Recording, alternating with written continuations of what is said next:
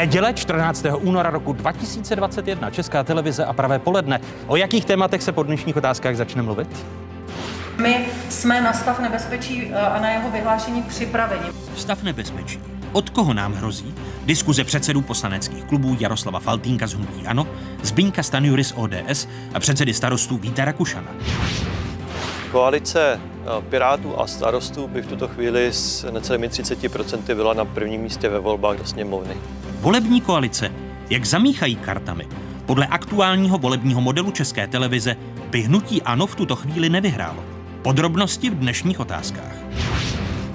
Děti v současné době víc prožívají takovou ty problémy s tou sociální izolací. Už je to na ně dlouhé, potřebují své kamarády. Milion a tři čtvrtě žáků už rok bez školy. Jak to pak politikům spočítají? A budou vůbec umět počítat? Diskuze ministra školství Roberta Plagy z Hnutí Ano a tří maturantů ze středních škol v Karlových Varech, v Praze a v Mostu. Vítejte a hezkou neděli vám všem divákům jedničky z Pravodajské 24. Je tu jedinečný prostor pro diskuzi. Epidemie, pandemie, onemocnění COVID-19 se všechno dál vymyká z kontroly. Nejnovější data ukazují, jak vláda situaci i přes nouzový stav nezvládá. Index rizika protiepidemického systému PES se dnes po měsíci vrátil na nejvyšší stupeň. Zrychluje se nárůst počtu nových případů, v sobotu jich bylo víc než 5 tisíc, o tři stovky víc než před týdnem. I přes 132 dny kontinuálního nouzového stavu umírá každý týden z COVID-19 více než tisícovka lidí. K sobotě hlásí statistiky 18 143 úmrtí. Nejnovější sociologická čísla trendů Česka 2021 navíc dokládají frustraci obyvatel z aktuální politické situace. Podívejme se na aktuální data. Už vidíte, že rekordní spokojenost s politickou situací v zemi jsme mohli pozorovat v loni na jaře. Během první tuzemské vlny epidemie nového koronaviru. Tehdy měla politická scéna v čele s vládou více než 60% podporu. Ještě loni v listopadu považovalo situaci za velmi nebo spíše dobrou 31% lidí. Aktuálně je politická situace v zemi dobrá nebo spíše dobrá jen podle 23% lidí. Naopak negativní názor na aktuální politickou situaci aktuálně vyjadřují tři čtvrtiny obyvatel České republiky. Podle autorů studie jde o významný propad. Podrobnosti k sociologickému výzkumu dodává spoluautor trendů Česka 2021 Pavel Ranucha. Politickou situací eh, u nás je v tuhle tu chvíli eh, spokojeno nebo ji vnímá jako dobrou už jenom 23% dotázaných což je nejnižší hodnota eh, za tu dobu, eh, nebo od té doby, co eh, současná vláda dostala důvěru od poslanecké sněmovny v létě v roce 2000 18. Navíc od listopadu, od posledního měření, výrazně vzrostl podíl těch lidí, kteří tu situaci hodnotí jako velmi špatnou konkrétně z 21 na 34% A nej, nejlépe patrné je to u voličů SPD, ODS a dalších opozičních stran. Tudíž se dále rozevírají nůžky mezi tím, jak tu situaci hodnotí eh, příznivci vládního tábora na jedné straně a příznivci opozice na straně druhé. Dodejme, že sociologické šetření se uskutečnilo na reprezentativní vzorku 12 stovek respondentů a uskutečnilo se před dohady o zrušení či pokračování nouzového stavu, tedy před čtvrtkem. Prvními hosty dnešních otázek jsou avizovaní předsedové poslaneckých klubů a také jeden předseda politického hnutí. Vítám předsedu poslaneckého klubu Hnutí Ano Jaroslava Faltínka. Hezké nedělní poledne, pane předsedo, vítejte. Dobrý den a děkuji za pozvání. Mé pozvání přijal i první místo předseda občanských demokratů, také předseda poslaneckého klubu strany Zbigněk Staňura. Vítejte, dobrý den. Dobrý den. A vítám předsedu starostů a nezávislých Víta Rakušana. Hezký dobrý den i vám. Hezké poledne. Začnu u vás jako u opozice. Po těch čtyřech dnech od klíčového rozhodnutí poslanecké sněmovny neprodloužit nouzový stav. Pane předsedo Staňuro, nebyla to politická chyba? Eh, nebyla. Musíme si říct, co se vlastně stalo a kdo za to může. Tak eh, Andrej Babiš sám sebe rád označuje za krizového manažera. Andrej Babiš ztratil většinu v poslanecké sněmovně. To je realita. Ale Andrej Babiš vysvětluje veřejnosti, že jste to vy, kteří jsme... hazardují ne, ne, po těch ne. čtyřech dnech Já se interpretace. Ano. Eh, to je samozřejmě oblíbená taktika Andreje Babiše, aby hledal eh, chybu tu v novinářích, tu v opozici, tu v občanech, jenom ne nikdy u sebe. Ještě jednou připomínám, tato vláda získala podporu tří stran. Hnutí ANO, sociální demokracie a komunistů. a ztratila většinou podporu v poslanecké sněmovně. V tak těžkém okamžiku Andrej Babiš nebyl schopen dojednat, aby mu jeho koalice fungovala, ztratil většinu. Místo, aby se aktivně snažil tu většinu získat, třeba i na, klíč, na nějaké dílčí hlasování, tak vlastně všechna jednání, která proběhla tento týden, byla iniciována opozicí. Ani jednou Andrej Babiš nesvolal například opozici a řekl, ztratil jsem většinu, jsme v takovém takovém stavu, já vás prosím, abyste podpořili třeba tohle nebo tohle, nabízím tohle, pojďme se o tom bavit. Všechna jednání, která proběhla a která probíhají i teď, proběhla vždycky na žádosti několik. Andrej Babiš vlastně říkal, já jednám s každým, kdo požádá. On nedělá vlastně nic. Takže jinými, takhle, jinými slovy, takhle... vy to po čtyřech dnech té interpretace, že i vy eh, vytloukáte politický kapitál z té aktuální situace ne. a Andrej Babiš může odvést pozornost od toho, jak Já myslím, vláda nezvládá? Že jste to řekl na začátku. 132, 132 dnů trvá nouzový stav. Pětkrát jsme hlasovali o prodloužení, teď po šesté. A podívejme se na ta čísla. Evidentně eh, to, co dělá vláda, nezabírá a nefunguje. A úplně nejhorší na tom, že vláda je úplně bezradná a nemá plán. Vláda si neví rady, má jediný fetiš, prodlužme nouzový stav. Straší občany ale že Kolikrát jsme minulý týden slyšeli, že když nebude prodloužen nouzový stav, armáda nebude moci pomáhat. My jsme věděli, že bude moci, že existuje zákon o ozbrojených silách. Kolikrát jsme slyšeli, že když nebude nouzový stav, všechno se otevře. Ani to není pravda. My už asi dva měsíce, možná tři, v těch předchozích prodloužení jsme říkali, nebavme se o tom názvu, Bavme se o konkrétních opatřeních, která fungují a která nefungují, kterým občany rozumí a dodržují a kterým nerozumí. Pane předsedo, stručná odpověď tedy zní, nepovažujete to za politickou chybu po těch čtyřech dnech, jak jsme slyšeli interpretaci Andreje Babiše. Stejná otázka. Já se omlouvám, samozřejmě, že ne. A nenechme si vnutit jako posunutí parlamentní demokracie, že zodpovídá menšina zodpovídá většina. Andrej Babiš to nezvládl, jako premiér zklamal a ztratil většinu v poslanecké sněmovně. A to je výsledek, jenom ten čtvrte, to čtvrteční hlasování. Ani pro vás to není po čtyřech dnech politická chyba opozice? Není to politická chyba. Podívejme se na tu situaci, co se děje. Andrej Babiš je poprvé za tu dobu nouzového stavu, který kolem nás je, donucen k reálnému jednání je schopen se s někým bavit, diskutovat.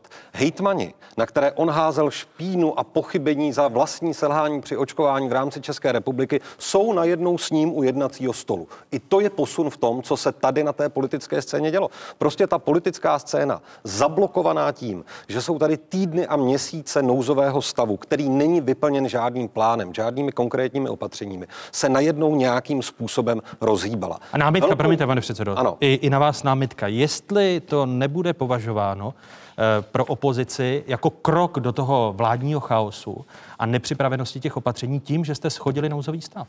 Ale to tak přeci není. Nouzový stav nedokázal pan premiér Andrej Babiš prosadit. Nouzový stav ten minulý trval tři týdny. V 7 hodin 13 minut ve čtvrtek nám přišla zpráva o tom, že se s námi chce pan premiér sejít. Několik hodin před hlasováním. Potvrzuji slova pana předsedy Staňury. Jeho vyjádření o tom, kdo se mnou chce jednat, s tím já jednat budu. On je tím moderátorem politické situace v nejvyšší exekutivní funkci. On se s námi o ničem nebavil a diskutuje jenom ve chvíli, když je k tomu donucen. A ještě jedna poznámka. My jsme už v pátek s panem kolegou Bartošem vyzvali pana premiéra k jednání i když nebyl odsouhlasen nouzový stav. Neodpověděl nám na sms pokoušeli jsme se připojit také na ten jeho videohovor s hejtmany. On to odmítl, takže on vynechává z celého toho procesu velmi nebezpečně, a to i z ústavního hlediska poslaneckou sněmovnu. Já sice chápu, že on se chce dohodnout s hejtmany, protože je mu to příjemnější, nechce se bavit s opozicí, ale to je styl jeho vládnutí. Obchází Andrej Babiš poslaneckou sněmovnu, jak se slyšel tak nám? Eh, není pravda, co tady říkají kolegové, že eh, pan předseda nevyzval k jednání. Eh, je to oboj strany samozřejmě, kolegové Bartoš a Rakušan byli, mám pocit, o víkendu na jednání s panem premiérem, ale oni požádali, to je pravda, nebylo to na výzvu pana premiéra. A pan premiér svolal vlastně jednání zástupců stran v průběhu týdne i, jak říká eh, pan předseda Rakušan, vlastně před eh, hlasováním o nouzovém stavu v ten čtvrtek ráno. Na naší žádost. Eh, já jsem u toho jednání nebyl, bylo to jednání předsedů stran, takže... Byli tam i předsedové klubu, ale on vás nevzal. Eh, vzal pana ministra Blatného na to mhm. jednání. Eh, ale řekněme si, co se vlastně stalo. Opozice dlouhodobě říká, včetně České televize a vás, eh, pane Moravče. Pro, promiňte, Česká Počkej. televize není opozice. Ne, počkejte, já říkám... My jen opozic... reflektujeme situaci. Ne, ano. prosím, já tu větu jenom dokončím. A já to nekritizuju, já to pouze konstatuju, že vláda to dělá všechno špatně. Všechno špatně, všechno špatně. A že hejtmani by to dělali podstatně lépe. Tak se vyjádřil kolega Ferjenčík, pan primátor Hříb, Nikdo kterému se moc nepodařilo uklidit Prahu od sněhu, ale dobře. Takže dneska jsme ve stavu, jak říká správně kolega Staňura, že většina sněmovny rozhodla, že nebude prodloužen nouzový stav. A nyní nastupují ty prvky krizového řízení, což jsou hejtmani a vláda, kteří v tuto chvíli jednají. A role poslanecké sněmovny skončila v momentě, kdy většina rozhodla, celá opozice, včetně KSČM, že neprodlouží ten nouzový stav. Promiňte, to není pravda je to a pravda. záhy se k tomu je, dostaneme, je, je, protože je to pravda. pokud je to dojde tak. a došlo k jo? dohodě s hejtmany a bude se prodlužovat nouzový stav, ale, tak platí ale, ústava. Ale řešíme, co se stalo, pane Moravče. Jako, neskákejte mi pořád do řeči. Je to tak, že sněmovna ve čtvrtek, a to tady Zbigněk Stanuje jasně řekl, většinově rozhodla, že končí nouzový stav. Ano. A když skončil nouzový stav, tak nastupují prvky krizového řízení, což jsou hejtmani, kteří mají nějakou zodpovědnost, a vláda. A nyní probíhá debata mezi hejtmany a vládou, jak tu situaci dál řešit. Jestli prodloužit nouzový stav za nějakých podmínek, a o těch podmínkách se teďka diskutuje a předpokládám, že za pár okamžiků pan, se spojíme pan, s předsedou přesně, asociace, předsedou krajů. asociace panem Kubou, že nám řekne tedy, na čem se dohodli či nedohodli. A potom je znovu ta role sněmovny, příští týden, kdy může vláda znovu požádat na žádost hejtmanu a můžeme se k tomu sejít a diskutovat v rámci sněmovny, stejně jak to bylo ten čtvrtek, o těch podmínkách, které má opozice, za jakých podmínek by byla ochotna hlasovat pro prodloužení nouzového stavu na nějakou dobu či nikoliv. A když se dostaneme do situace, že nikoliv, tak má pravdu kolega Staňura v tom, že můžou vojáci fungovat, eh, hejtmani můžou něco nařizovat, vláda. hygiena, vláda, minister podle eh, zdravotnictví, podle tak. Eh, stávajícího zákona. tak. O ochraně zdraví. A, a pane předsedo, tak, a je potřeba mi... si říct, pane Moravče, a je potřeba ano. si říct tady, a to diváci jasně slyší, že prostě, a já jsem dneska ráno se, se celý ráno díval na ČT24, a když jsem tam viděl ty provozovatele restaurací, provozovatele horských středisek a tak dále, tak ti všichni čekají na to, co se stane dneska. No. Ano, pane předsedo, to si řekneme, ale s, do, s, s dovolením, když mi odpovíte na otázku. Eh, pro vás nouzový stav je jako prohnutí ano zásadní.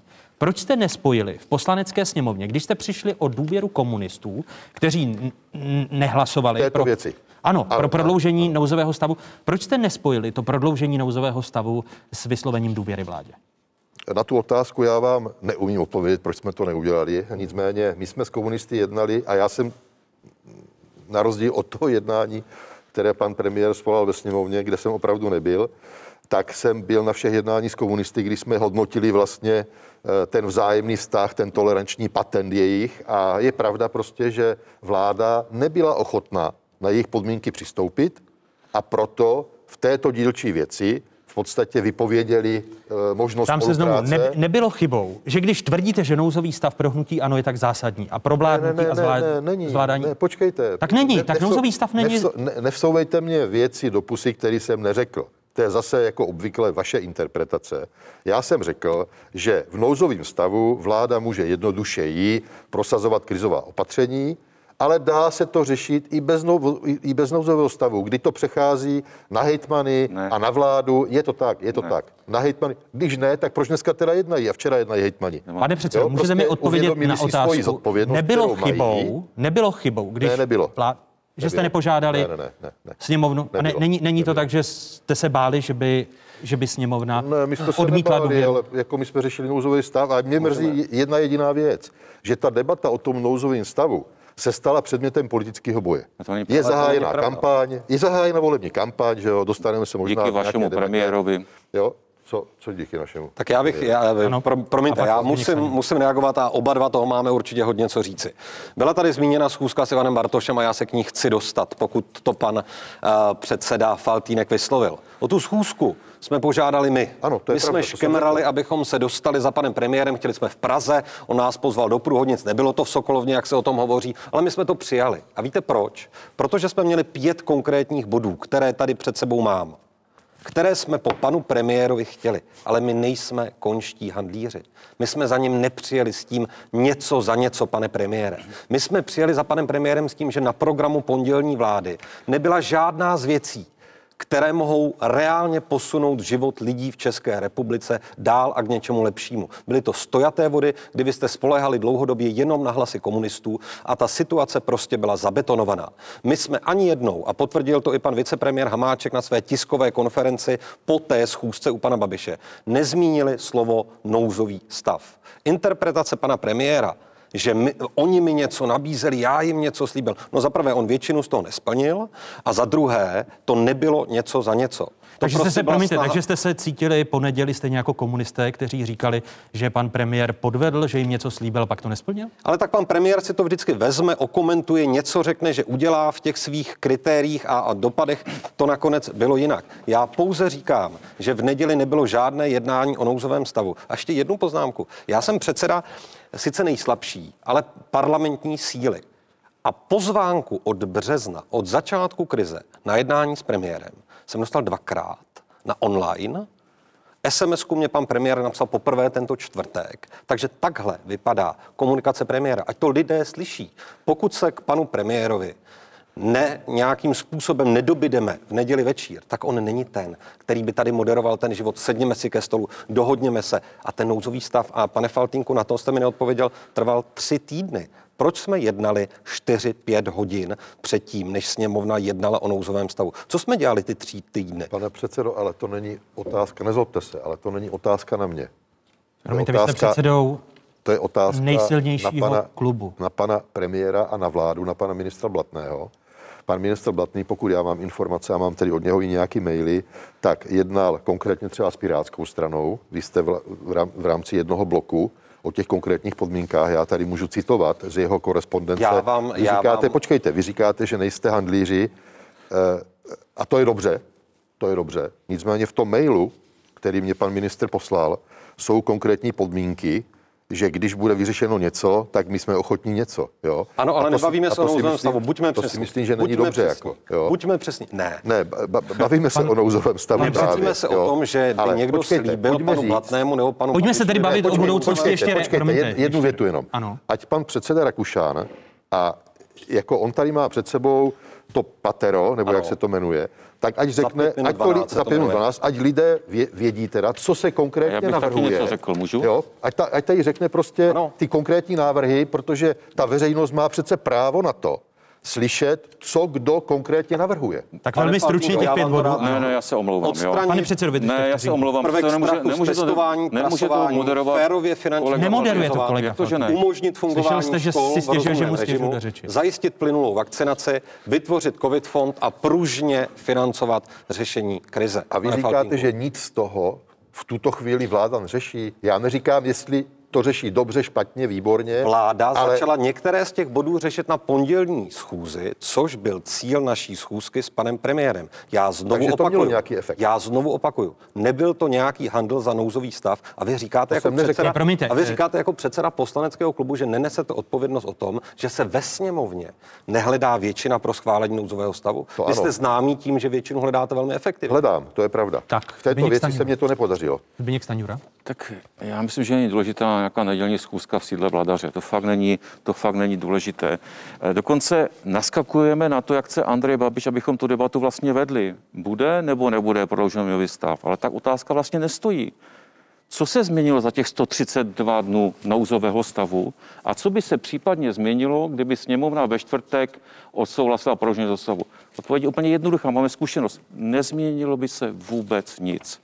A my už jsme v listopadu, v prosinci, mám tady přesně, tady jsme o tom, eh, že jsme o tom jednali 12. prosince, 23. prosince a tak dále. tak eh, jsme říkali, pojďme se bavit o těch konkrétních opatřeních, eh, protože ta nefungují a proto ta čísla, které jste na začátku říkal, jsou tak špatná. To je důležité, to není. A přitom Chcete tím říci, pane předsedo, když se podíváme na mapu, kterou vysílala německá veřejnoprávní ARD, eh, kde se jasně ukazuje, že Česká republika i s nouzovým stavem nezvládá tu ano. situaci. My se na ta data můžeme záhy podívat. Tady vidíte, eh, jak německá ARD ukázala Českou republiku a právě i v Německu, v těch okresech, bavorských okresech nebo regionech dělá problém ta britská mutace, která se s největší pravděpodobností rozšířila v Chebu. Jinými slovy, nouzový stav podle ODS ODS nemá vliv na to, aby se zbržďovala pandemie? Nemá takový vliv, jako si vláda myslí, protože 132 dnů ho máme a výsledky vidíme a ty jsou velmi špatné. A my jsme připraveni celou dobu říkat, co se má zlepšit v debatě s vládou. A je to vlastně jednoduché. Pandemický zákon. Včera jsme si, že zítra bude předložen. Ale za 14 dní to bude rok, co začala pandemie a zítra bude předložen. Co dělá vláda těch 132 dnů, že nebyl dávno předložen, abychom nemohli debatovat? Slyšíme opakovaně od podnikatelů oprávněné stezky nad tím, že systém podpory je nepřehledný, byrokratický, eh, na, na všechny se, nebo na mnohé se zapomíná. Mnoho měsíců leží náš společný návrh zákona ve sněmovně. V pátek prošel první čtením a vy jste ho chtěli zamítnout v prvním čtení. Ano. A, jo, místo, abychom o něm debatovali. Eh, chtěli bychom zrušit sporná, sporná opatření. Tak ať pan předseda Faltinek vysvětlí veřejnosti, on nebo někdo z ministrů, proč můžu nakoupit v papírnictví a ne v knihkupectví. Proč můžu nakupovat v hypermarketu a ne v malé provozovně. Proč jsou uh, skoncentrované úřední hodiny na úřadech, tím pádem se tam dělá víc lidí. Takže mi, a klíčová věc je vzdělávání. Přece klíčový úkol nás bych měl být dostat děti do škol. Bavme se o, o těch opatřeních, vybavit učitele respirátory, zajistit nějaké šetrné testování žáků. A o tom se vůbec nedebatuje. Pořád se debatuje, jestli bude nouzový stav do 14. února nebo do 28. února. My jsme připraveni na tu debatu o konkrétních věcích.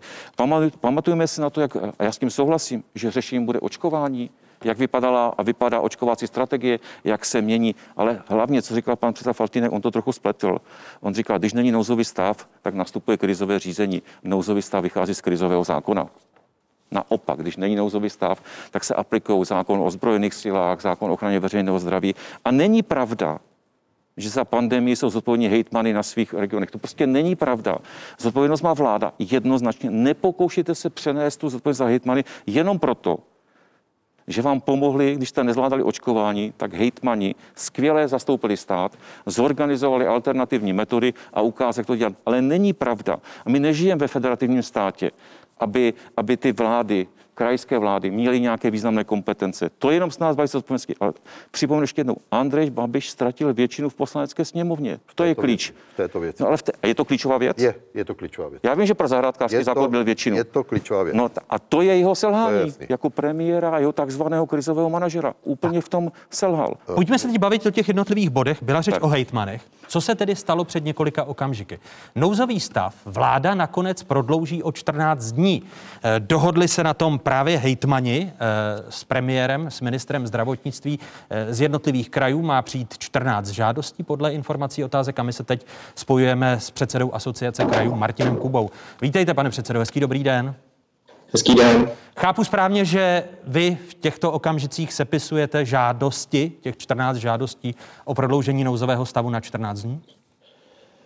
Eh, ano, eh, ten závěr je takový. Eh, já bych k tomu chtěl ale dodat pár věcí, protože pro nás jako hejtmany byla samozřejmě velmi nepříjemná situace, že jsme byli postaveni do toho, že musíme během 72 hodin v podstatě vyřešit něco, na čem se nebyla schopna shodnout politická reprezentace v poslanecké sněmovně. Mě to velmi mrzí a myslím si, že kolegové, kteří sedí ve sněmovně, a teď nechci hm, soudit, kdo jsme z které strany, když se podívají na tu důvěru hm, v těch lidí vlastně v ten stát, eh, tak eh, to je to zásadní a já tady bych si dovolil anesteziologický hm, pohled eh, člověka, který strávil na záchrance hodně let, tak ta důvěra prostě potřebuje zresuscitovat. Jestli tohle se nepovede, tak žádné zákazy, příkazy, nouzové stavy už nám prostě nepomohou.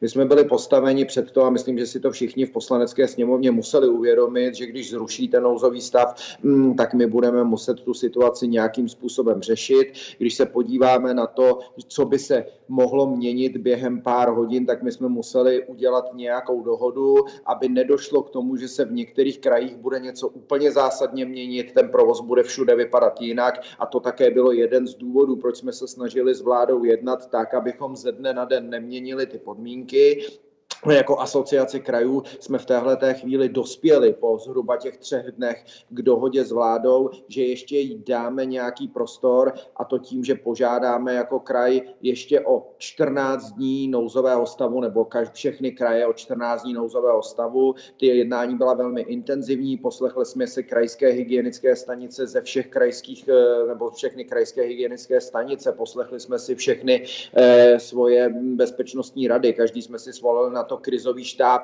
Není to tak, že hejtmani se rozhodli takhle nebo takhle. Já bych chtěl tady velmi varovat před výkladem toho, že hejtman rozhoduje, jestli na jeho území bude otevřený obchod a nebo nebude otevřený obchod. Ten boj s pandemí je opravdu řízen a má být řízen z ministerstva zdravotnictví a v nouzovém stavu lze některé věci si vymáhat snadněji, to bez zesporu, ale ten nouzový stav, a v tom souhlasím, není prostě tím klíčem k tomu, jestli to funguje dobře nebo nefunguje a nouzový stav taky neznamená, jestli je nebo není otevřen nějaký obchod. Proč to tedy, věc, promiňte, proč tedy, proč tedy nakonec eh, jste podali, chápu správně, že podáváte 14 žádostí eh, do dvou hodin vládě, která bude rozhodovat o prodloužení nouzového stavu? Pane, eh, pane redaktore, podali jsme to právě proto, že nás o to pan premiér v té, eh, v té debatě požádal a také proto, že jsme vnímali, že někteří hejtmani mají ve svých krajích opravdu situaci velmi vážnou. Eh, ta situace je taková, že prostě mají přeplněné nemocnice.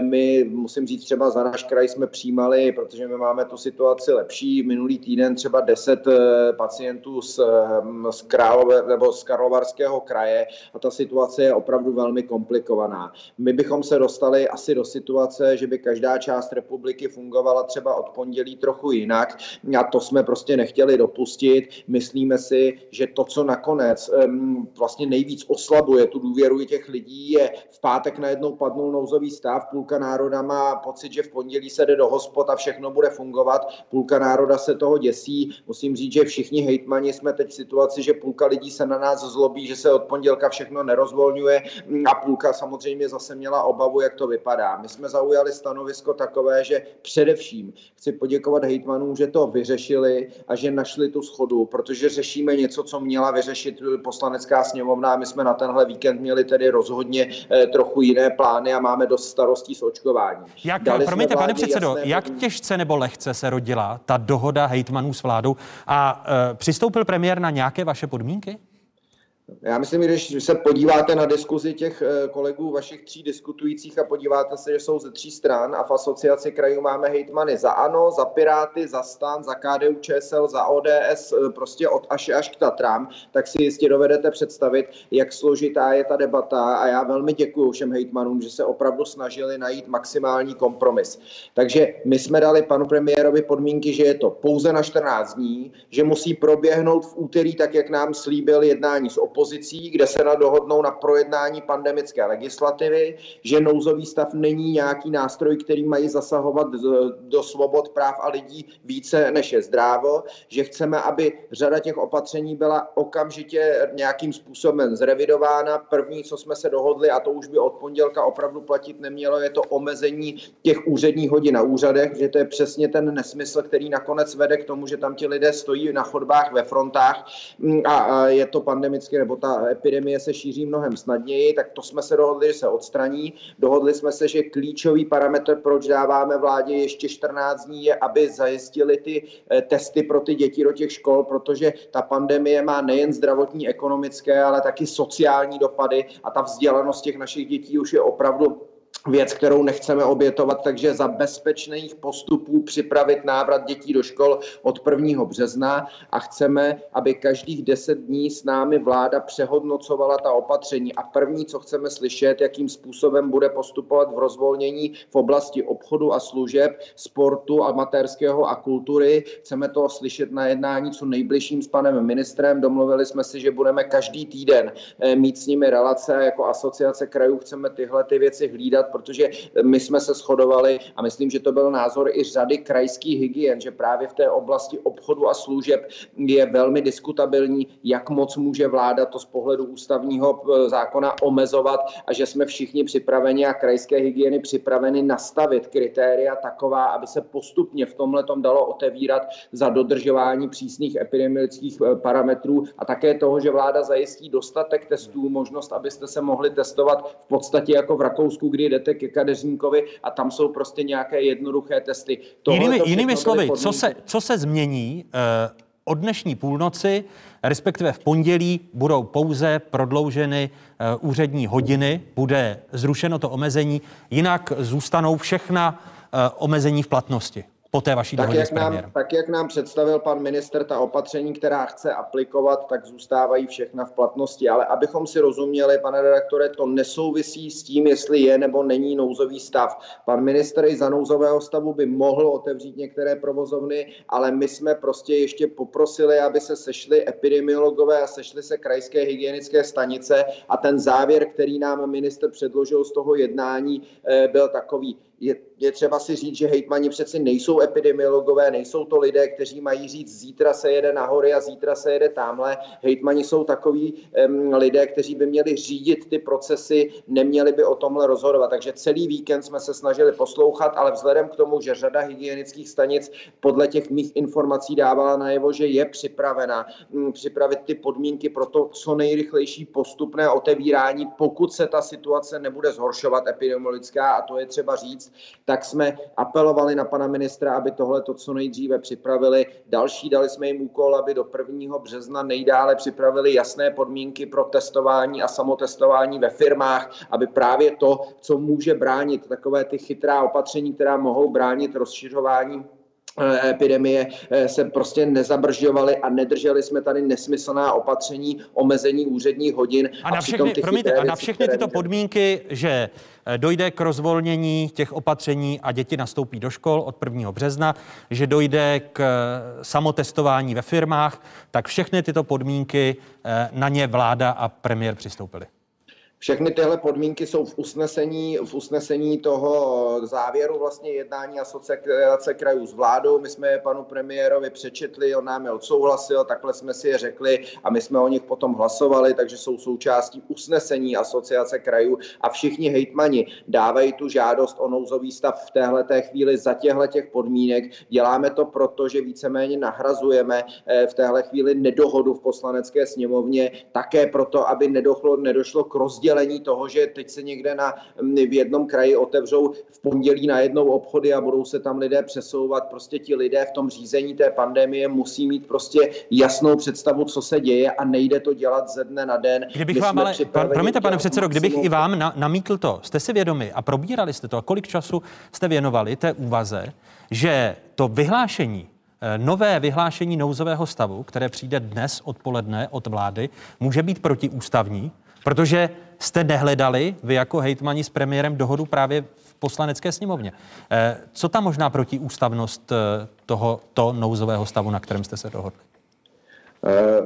Pane redaktore, tohle je otázka, kterou já jsem taky zaznamenal a jsem se na to ptal některých ústavních právníků a jsou na to různé názory, ale na druhou stranu i mezi hejtmany jsou názory toho, že pokud dojde k té situaci, kdy nouzový stav končí, tak oni na svém území musí vyhodnotit, jaká ta situace je. A nutno říct, že na území některých krajů opravdu není jednoduchá. Stačí se podívat do Karlovarského nebo Královéhradeckého kraje a na základě toho musí nějakým způsobem jednat. Jestli vláda udělá nebo neudělá ústav ústavní či protiústavní opatření je na ní. My v téhle té chvíli nejsme těmi, kdo to vyhlašuje, my jsme těmi, kdo na základě dohody, na základě mm, vlastně dohody a konsenzu mezi kraji, aby se tady nerosypala republika a od pondělka se nedělo něco někde jinak, aby jsme minimálně udrželi to, že ti lidé dostávají jednoznačnou jasnou informaci a jestli se má něco otevírat, tak se na to připravme a řekněme jim to v nějakém čase. A znovu opakuji, tenhle ten zmatek není chyba hejtmanů, my jsme se to celé jenom snažili opravit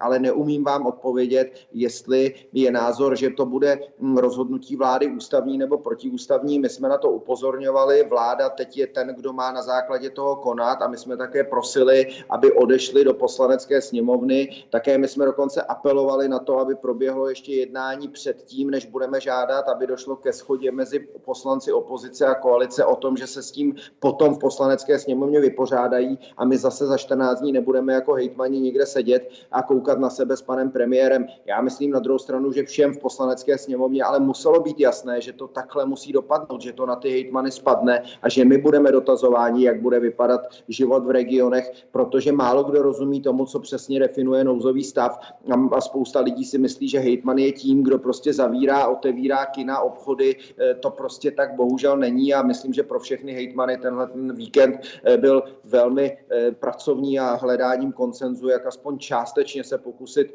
napravit to, co se stalo v poslanecké sněmovně. Ještě s námi chvíli zůstaňte, protože se dostaneme právě k těm protiústavním krokům, které tady vláda po případě ve shodě s některými stranami činí. Ta dohoda, jak jste ji slyšel, pane předsedo Rakušane, budete hlasovat pro to 14-denní prodloužení nouzového stavu jako starostové? My zatím, pane redaktore, vůbec nevíme, jak teď ale bude pan premiér postupovat. Zda s něčím takovým teď do poslanecké sněmovny přijde, my jsme se s ním nebavili. On nám svůj postup a cestu neřekl. My jsme ho žádali skutečně v pátek, v sobotu, v neděli o to, abychom k této schůzce byli přizváni, abychom právě byli schopni dohromady vyladit ten postup, který by zavdával naději, že ten postup skutečně bude ústavní. A zeptám se, zeptám se jinak. Zbortíte tu dohodu v poslanecké sněmovně s hejtmany? Slyšel jste podmínky dohody od Martina Kuby? Já jsem velmi rád, že jsou tady stanoveny podmínky, které dávají smysl. A jak už jsem tady několikrát řekl, výsledek nouzového stavu pod vedením vlády Andreje Babiše je toto. Jsme téměř nejhorší, v Německu jsou na to mnohem lépe, nejproblematičtější regiony sousedí s námi. To je výsledek v nouzovém stavu. A teď jde o to, těch 14 dnů využít k tomu aby tady nouzový stav už nemusel být. To znamená projednání pandemického zákona. Tady mám scénář, který lze projednat skutečně mezi pěti, sedmi dny, pokud si vybereme legislativní nouzy, k tomu využít, aby to skutečně bylo těch posledních 14 dnů.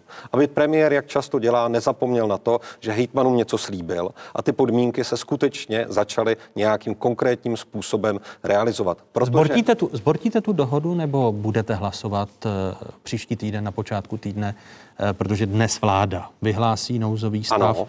Eh, s tím, že poslanecká sněmovna by ho asi měla co nejrychleji schválit, předpokládám. To je, právě, to je právě to, co já chci ale slyšet od pana premiéra. Já chci slyšet od pana premiéra, zda on skutečně teď přijde do poslanecké sněmovny s tím, že žádá o ten 14-denní prodloužení eh, nouzového stavu, anebo půjde do nějakého rizika, že je to prostě vyhlášeno, těch 14 dnů nějakým způsobem uplyne a on prostě bude riskovat, že se skutečně pohybujeme za hranou ústavnosti. Počkejte, vy myslíte, já... že by premiér mohl obejít poslaneckou sněmovnu a no, s nouzovým stavem? Premiér, pan premiér doposavať poslaneckou sněmovnu a to se tady snažíme říct obchází. A to je největší chyba, kterou on od pátku předvádí. O, od, obchází v tom, že se dohaduje s hejtmany na 14-denním prodloužení nouzového stavu, přičemž poslanecká sněmovna ve čtvrtek rozhodla, že nouzový stav prodloužen nebude.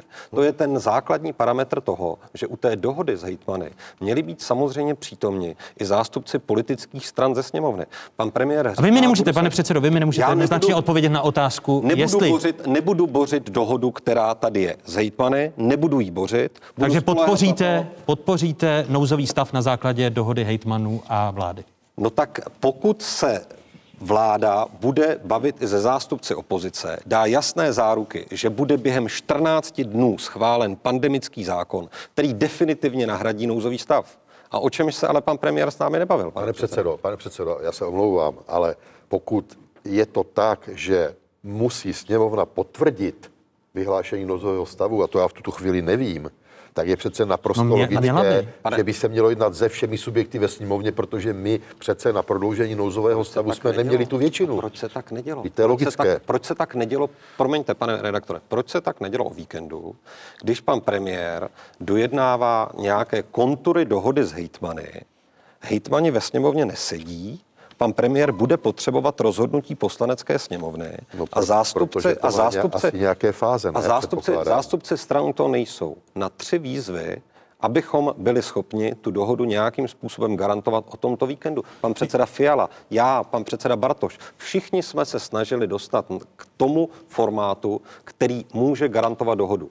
Pane, ne. pane předsedo Staňuro, podpoří občanská demokratická strana uh, tu žádost vlády o vyhlášení nouzového stavu na základě dohody s hejtmany? Eh, Myslím si, že ne, že taková žádost nemůže přijít, nemá žádnou oporu ani v zákoně, ani v ústavě, ale dovolte mi, za prvé, ta Proč debata... by nemohla, promiňte, proč by nemohla ta dohoda přijít? Protože, Ta žádost? protože vláda vyhlašuje na 30 dnů a o prodloužení může rozhodnout poslanecká sněmovna. Nemůže schvalovat krok vlády, to, ne, to je mimo ústavu, mimo zákony, to je konstrukce, které vůbec nerozumím. Takže si myslím, že o tom vůbec nebudeme hlasovat. Ale co je důležité, v této chvíli je určitě zajímavá a podstatná debata, zda to případné vyhlášení protiústavní nebo není. Ale mnohem důležitější je to, eh, a v tom se zhoduju s předsedou asociace krajů s Martinem Kubou, já jsem se to snažil říct, není pravda, že hejtmani jsou zodpovědní za pandemii na svých územích. Za řešení pandemie je, je, je eh, zodpovědná vláda a ta postupuje podle různých zákonů. Buď v nouzovém stavu, nebo mimo nouzový stav. Ta debata s hejtmany to vlastně potvrdila. Eh, Na druhé straně, pokud jediné, co vláda od zítřka změní, že rozšíří úřední hodiny, tak to mě přijde hrozně málo. Eh, Pořád stojí ta otázka, proč mohu do papírnictví, proč nemohu do knihkupectví, proč můžu nakoupit boty pro děti, a ještě do určité velikosti. A. Ale hlavně, jestli někdo může za ten chaos, a a občané opravdu neví, podnikatelé neví, jak to, že vláda nevytáhla z šuplíku ve čtvrtek po 132 dnech, nebo 128 dnů bylo ve čtvrtek nouzového stavu, řešení bez nouzového stavu. To přece musí být na těch ministerstvech napsané, to přece nemají dělat hejtmani v sobotu a v neděli. To je nefér vůči Vy hejtmanům. tedy, vy tedy nepočítáte s tím, že by tu uh, dohodu uh, vlády s hejtmany a že by nový nouzový stav schvalovala poslanecká My to sněmovna? nevíme. Ne, ne, nepočítám s tím, protože tam nevidím ústavní ani zákonný rámec. Něco jiného jsou politické dohody. Eh, Bavme se, tak jak jsem říkal, soustředíme se na ty konkrétní opatření, které mají platit, které nemají platit, které mají smysl, které nemají smysl. Na to jsme připraveni. Eh, Já myslím, že je klíčové návrat dětí do škol. Opravdu udělat všechno pro to, aby ten první březen byl, aby minimálně děti z prvního stupně, žáci v posledních ročnicích, aby mohla probíhat praktická výuka, aby mohla, využívat, aby mohla probíhat individuální výuka na základních uměleckých školách. Proto děláme všechno. Ale to není jenom heslo, že to otevřeme. jsme říkali panu Musíme neděli. respirátory, jestli šetrné testování, tak další je plno práce. Na to my chceme soustředit svoji energii, ne na debatu, jestli je to ústavní nebo ne, a na dopršování se o schůzky nebo ne. Já si nebudu stěžovat, my tu jsme o to, abychom hledali konkrétní řešení, my je máme. Pokud bude chuť je s náma prodebatovat, tak je prodeba- prodebatujeme. Zase schválme do sedmi dnů pandemický zákon, to zní moc dobře. My jsme ho ještě neviděli.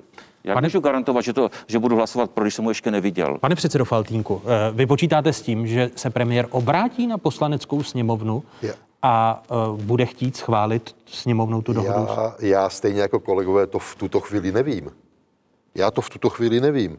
A z vašeho pohledu bylo by, bylo, bylo by či nikoliv. Aby o tom nouzovém No, stavu, protože Jedna fakticky... věc je, co by bylo správné, a druhá ano. věc, jak říká Zbigněk Staňura, co je legislativně možné a nutné, ale- ale- Jo, ústavně. Ale kde je teda ten plán, jak nás vláda tou krizí teď provede? Já, já jenom s dovolením eh, eh, ještě pár, pár slov. K té dohodě.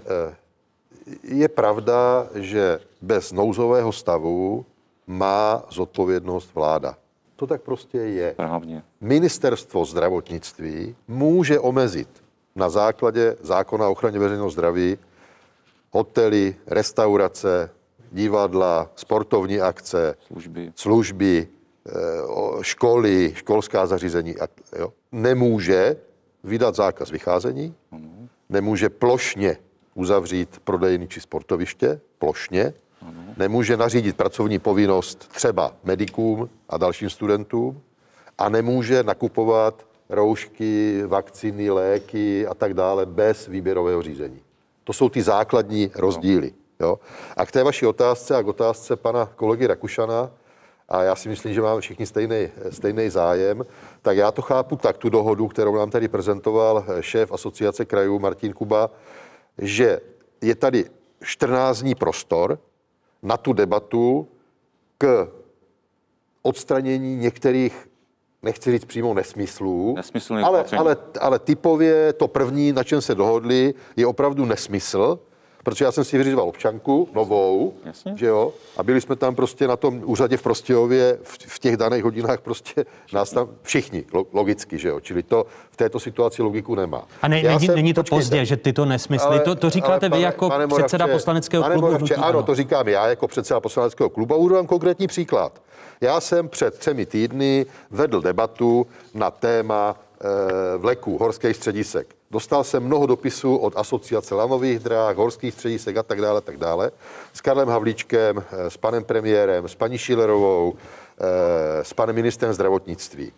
A, a chtěli to i komunisti, to konec konců ví všichni, že, Ano, že proto- to byla jedna proto z podmínek, podmínek, proto- proč proto teď ne- nehlasovali, přesně, ano, pro přesně, nouzový přesně. stav.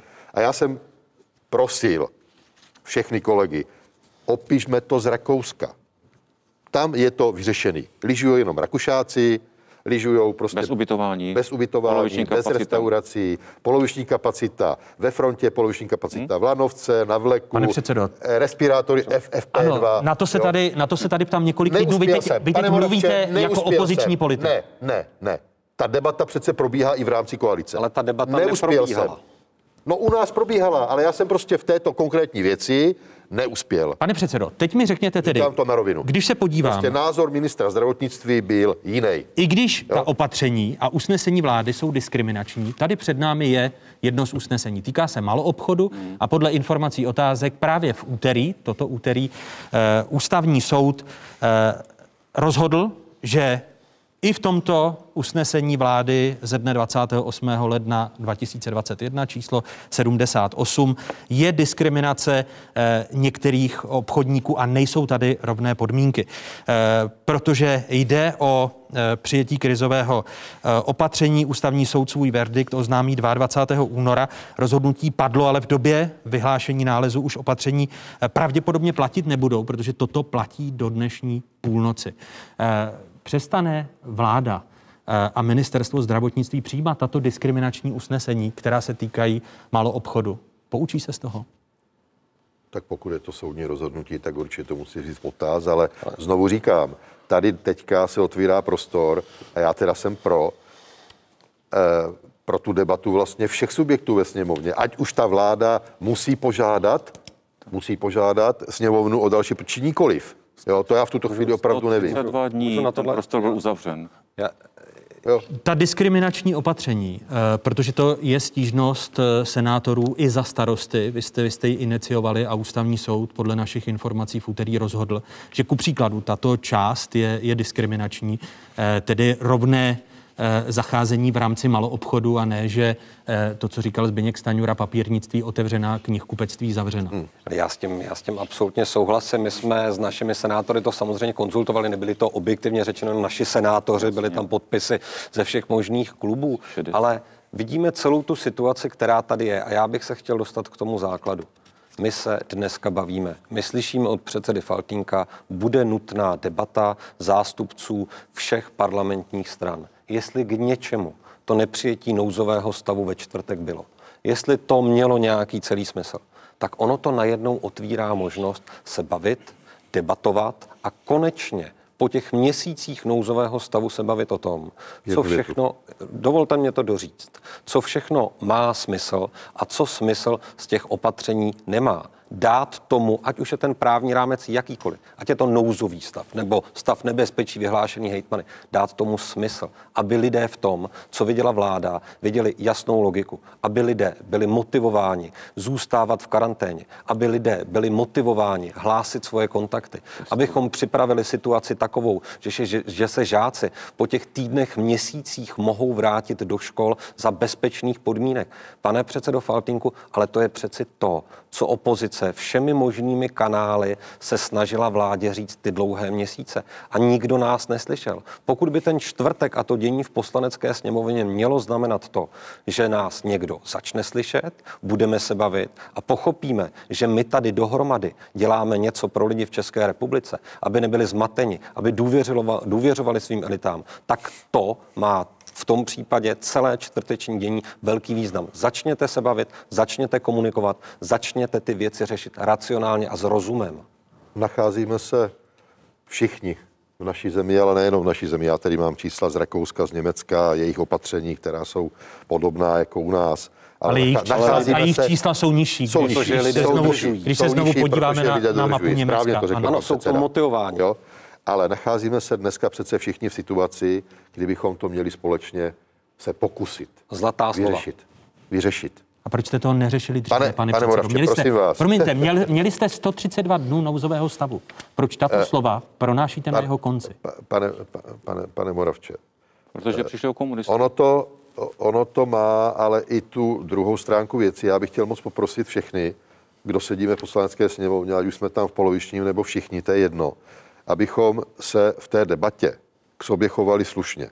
Protože když jako kolega Michálek tam začne křičet na mikrofon, že ze naší zemi řídí šílenec, tak já to prostě po- nepovažuji za vhodný v této situaci. Jo? Jako do politiky patří jako silný slova ve sněmovně si můžeme říkat, co chceme, to je pravda, ale v této situaci, jo, kdy všichni máme nějaký problém, Jo, všichni jsme frustrovaní, nemůžeme prostě ven, nemůžeme lyžovat, nemůžeme, nemůžeme, nemůžeme.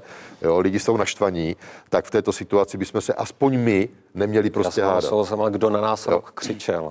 Ano, pane Je, jestli můžu, eh, a mohl bych tady říkat historky, kdo s kým jednal, nejednal, jaké to bylo příjemné, příjemné, to fakt nemá žádný smysl.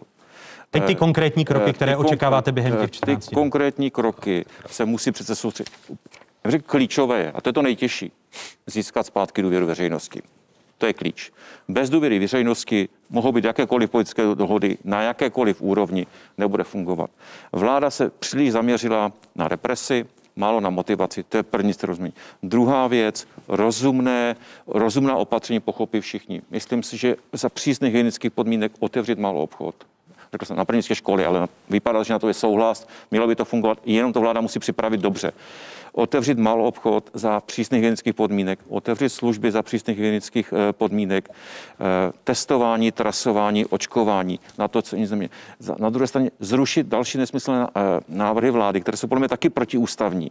Například, že Tady se- jeden je že- diskriminace malou Určitě, obchodu, o, tom o kterém roz, o rozhodl tom ústavní soud teď. Dlouhodobě. Druhá věc je odškodňování těch, kteří ne vlastní vinou jsou prostě na tom ekonomicky velmi špatně. Leží kompenzační zákon v poslanecké sněmovně, můžeme ho změnit. Já neříkám, že opozice má patent na rozum. Leží tam měsíce náš návrh zákona na prodloužení velmi úspěšného programu antivirus C. Není právě, že jsme vždycky vládu za všechno kritizovali. Za to jsem vládu To chválil. pravda. Chválil jsem vládu za odpuštění minimálních záloh pro sociální a zdravotní pojištění OSVČ. Zase náš návrh tam leží měsíce. To jsou konkrétní věci, které mohou těm, kteří nebudou moci podnikat, například v plném rozsahu, dají jistotu, že to ekonomicky nezlikviduje, bude to mnohem větší motivace, aby ta opatření dodrželi, aby ještě tím, že otevřeme školy, zase zvýšíme motivaci, například i pro trasování a testování, protože eh, i pro ty rodiče nesmírně úmorné eh, domácí distanční výuka. To je debata, na kterou se chceme soustředit. Já se nechci soustředit na to, eh, kdo komu udělal zkusku, neudělal zkusku. Pravda je jednoduchá. A vám, vám, debata vám nevadí, začíná- promiňte, když říkáte, že tady Debata jde, začíná jde o... po je- 132 dnech, to mě jde- nejvíc vadí. Ale pane předsedo Staňuro, jde o to, jestli eh, se bude hrát politická debata, ku příkladu váš předseda eh, Senátu Miloš Vystrčil říká, že eh, ta dohoda mezi hejtmany a vládou, respektive prodloužení nouzového stavu, je protiústavní. Pro ODS to je důležité nebo není? Je to velmi důležité, já jsem říkal, to je velmi důležité, ale o o tom, zda, zda tento názor je pravdivý, nerozhodné vedení ODS nebo poslanecký klub ODS. My se to domníváme, my předtím varujeme, ale nebudeme se na to upínat jako to hlavní. Vy tedy nepodáte za To ještě eh, nevím. senátory To, to, se, to já nevím, to se musíme poradit. Vláda to ještě nevyhlásila. Uvidíme, jaké budou podmínky, jak to bude formulovat. To skutečně nevím. Ale pro nás je klíčové těchto pět konkrétních věcí, jako pět konkrétních oblastí, v tom plno konkrétních věcí uvést do života. A některé se dají uvést velmi rychle, ani nepotřebují změnu zákona. Chci jenom, aby vláda ubrala, aby řekla ano, omlouváme se, to jsme nedomysleli, to se mění, může to říct malý obchod, ale pozor, Za Musí, musíte dodržovat hygienická opatření pro své zaměstnance, pro vaše zákazníky, eh, musí mít rozestupy, musí se dezinfikovat ty prodejny, ale oni to všichni zvládnou.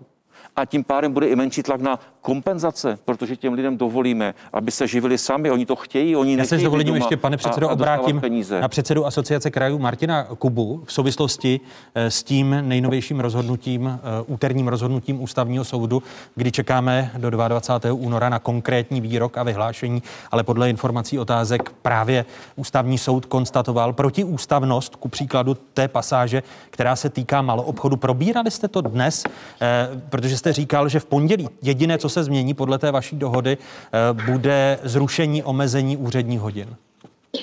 Pane doktore, my jsme to probírali, eh, my jsme právě v této oblasti vyvíjeli velký tlak k tomu, aby nám opravdu pan minister předložil co nejrychleji možnosti tohleto otevřít. Znovu říkám, nechali jsme na to svolat i schůzku krajských hygienických stanic, tam, jak jsem měl informace, si řada z nich uměla představit to, eh, že by se, ten, eh, že by se tady v téhleté oblasti rozvolnění dalo udělat, ale epidemiologický tým pana, pana ministra v téhleté chvíli je proti, takže jsme se shodli na tom a my v úterý máme pravidelnou, teď už tedy relaci relaci asociace krajů s ministrem a budeme s nimi právě o tomhle jednat. Já jsem se na to opakovaně ptal, protože jsem tuhle informaci někde zaznamenával, že to může být jako ústavně problematické a to je právě to, kdy vláda nesmí jít za hranu hm, toho, toho, ústavního, toho ústavního práva a omezovat ty svobody právě některými opatřeními, které prostě nejsou funkční a musí hledat nějaký ten prostor. Ale já znovu a teď se pokusím ještě tady něco schrnout, protože my opravdu jako hejtmani jsme celý víkend v situaci,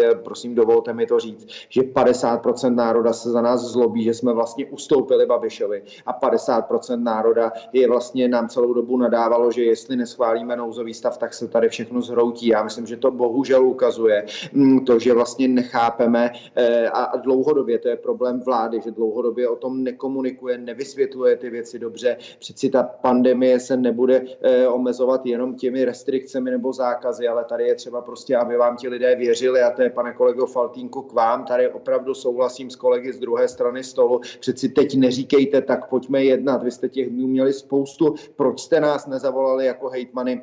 Do té poslanecké sněmovny. Telefon na mě máte, kdybyste ho zvedl. Hele, ve čtvrtek se bude hlasovat. Pane Kuba, přijďte, řekněte nám, co to bude znamenat. My bychom tam přijeli. Jsme prostě schopni eh, se na ty věci podívat bez nějaké politického zaujetí, ať jsme z opozice nebo z koalice. My totiž v těch krajích žijeme, my prostě mluvíme s těmi zdravotníky a pro všechny, kteří eh, nám teď trošku nadávají, že jsme jako ods nebo stanařský hejtmani ustoupili Babišovi, já jenom vzkaz všem těmhle těm komentátorům a lidem o tom hlasují krizové štáby jednotlivých krajů. Tam jsou ředitelé nemocnic, ředitelé záchranek, jsou tam policisté, hasiči, vojáci, lidé, kteří mají s tím letím obrovské zkušenosti. Prosím, nestavte nás jako hejtmany do role, že jsme pouze ustoupili vládě a proto je to špatně, anebo jsme jí kývli a proto je to špatně a ne, zkusme se v téhle tom souboji. Já už nevím, jaká by měla být doba, kdybychom se na to měli podívat věcně, přestali si hrát jenom na politický souboj vláda vláda, mm, premiér versus opozice, ať stojíte kde chcete, tak musíte buď říct černobílé ano nebo ne. Ta situace je velmi složitá, žijeme ve světě, který je komplikovaný, kolem nás státy zavírají hranice, prostě podívejme se za hranice, ty mají řadu opatření a my jsme během 72 hodin byli vystaveni tomu, že buď máme všechno pustit nebo ne. Eh, tady by se mohlo stát, že kdyby někde nouzový stav nebyl, tak se tady prostě otevřou třeba bazény, wellnessy, začnou sem jezdit lidé třeba z Královéhradeckého kraje, kde je dneska 60%. Promiňte, to, to, tady, tady jenom, eh, pane předsedo, to není pravda, protože eh, by to měla v rukou vláda a ministr zdravotnictví právě těmi eh, opatřeními na ochranu zdraví. To by, ano, Takže... a pane redaktore, měla by to vláda ano. a já s tím souhlasím a opakuji pořád, že to nedělá hejtman, ale ta vláda právě má tím nouzovým nebo nenouzovým stavem určitý právní rámec, kam až vlastně může. A to je to, o čem se správně bavíme. To, co tady popisuje ústavní soud, že do některých některých věcí už nemůže. Ten nouzový stav je pouze právní rámec, který dává té vládě určitou jistotu. Vůbec neříká, že má dělat to nebo nemá dělat to, ale některé eh, ty věci jsou v tom zákoně o ochraně eh, o zdraví lépe popsány než jiné. To znamená, vláda bez nouzového stavu podle zákona o ochraně zdraví velmi dobře je schopna třeba regulovat provoz restaurací, ale už velmi špatně je třeba schopna regulovat bez nouzového stavu wellnessy, bazény a další věci. Ono by to mohlo vést k migraci mezi kraji. A já na rovinu říkám, jestli máme zůstat krajem, který je schopen ještě pomáhat Karlovarákům a dalším tím, že bude přijímat ty lidi, tak si potom opravdu tyhle ty věci popišme, řekněme si, jestli těch více rychlostí chceme, klidně jsme na ně připravme, ale nedělejme to pod tlakem během 72 hodin. Já prostě musím říct, že to vůči těm hejtmanům bylo jako extrémně nefér a znovu oceňuju všechny, jak se v tom zachovali a prosím, ať už jste jejich voliči nebo nejste, hejtmani jsou lidé, kteří prostě dělají všechno pro to, aby to v těch krajích fungovalo.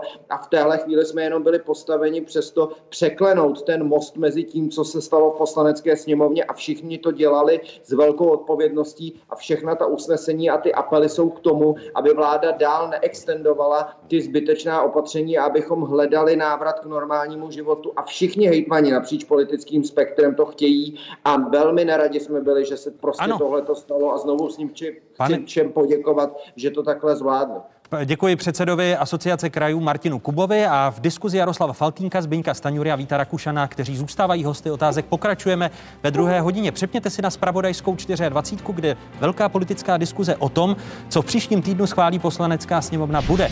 A dostaneme se i k problematice škol. Dojde opravdu od 1. března eh, k otevření škol a jak zajistí minister školství společně s ministrem zdravotnictví šetrné testování eh, žáků a žaček. Vidíte ministr školství Robert Plaga společně se třemi studenty středních škol budou hosty otázek. Kde končí občanská poslušnost? Co donutí lid povstat? Jaké šance má vzpoura v demokracii? Sledujte Fokus Václava Moravce. Tentokrát na téma občanská neposlušnost. Pozvání přijali Herečka Bára Hrzánová, psycholog Radvan Bachbouch, historička Eva Doležalová, politický geograf Michal Romancov, spisovatelka Radka Denemarková a ústavní právník Jan Kysela. Přímý přenos z činoherního klubu v Praze. V úterý 16. února po 20. hodině na ČT24.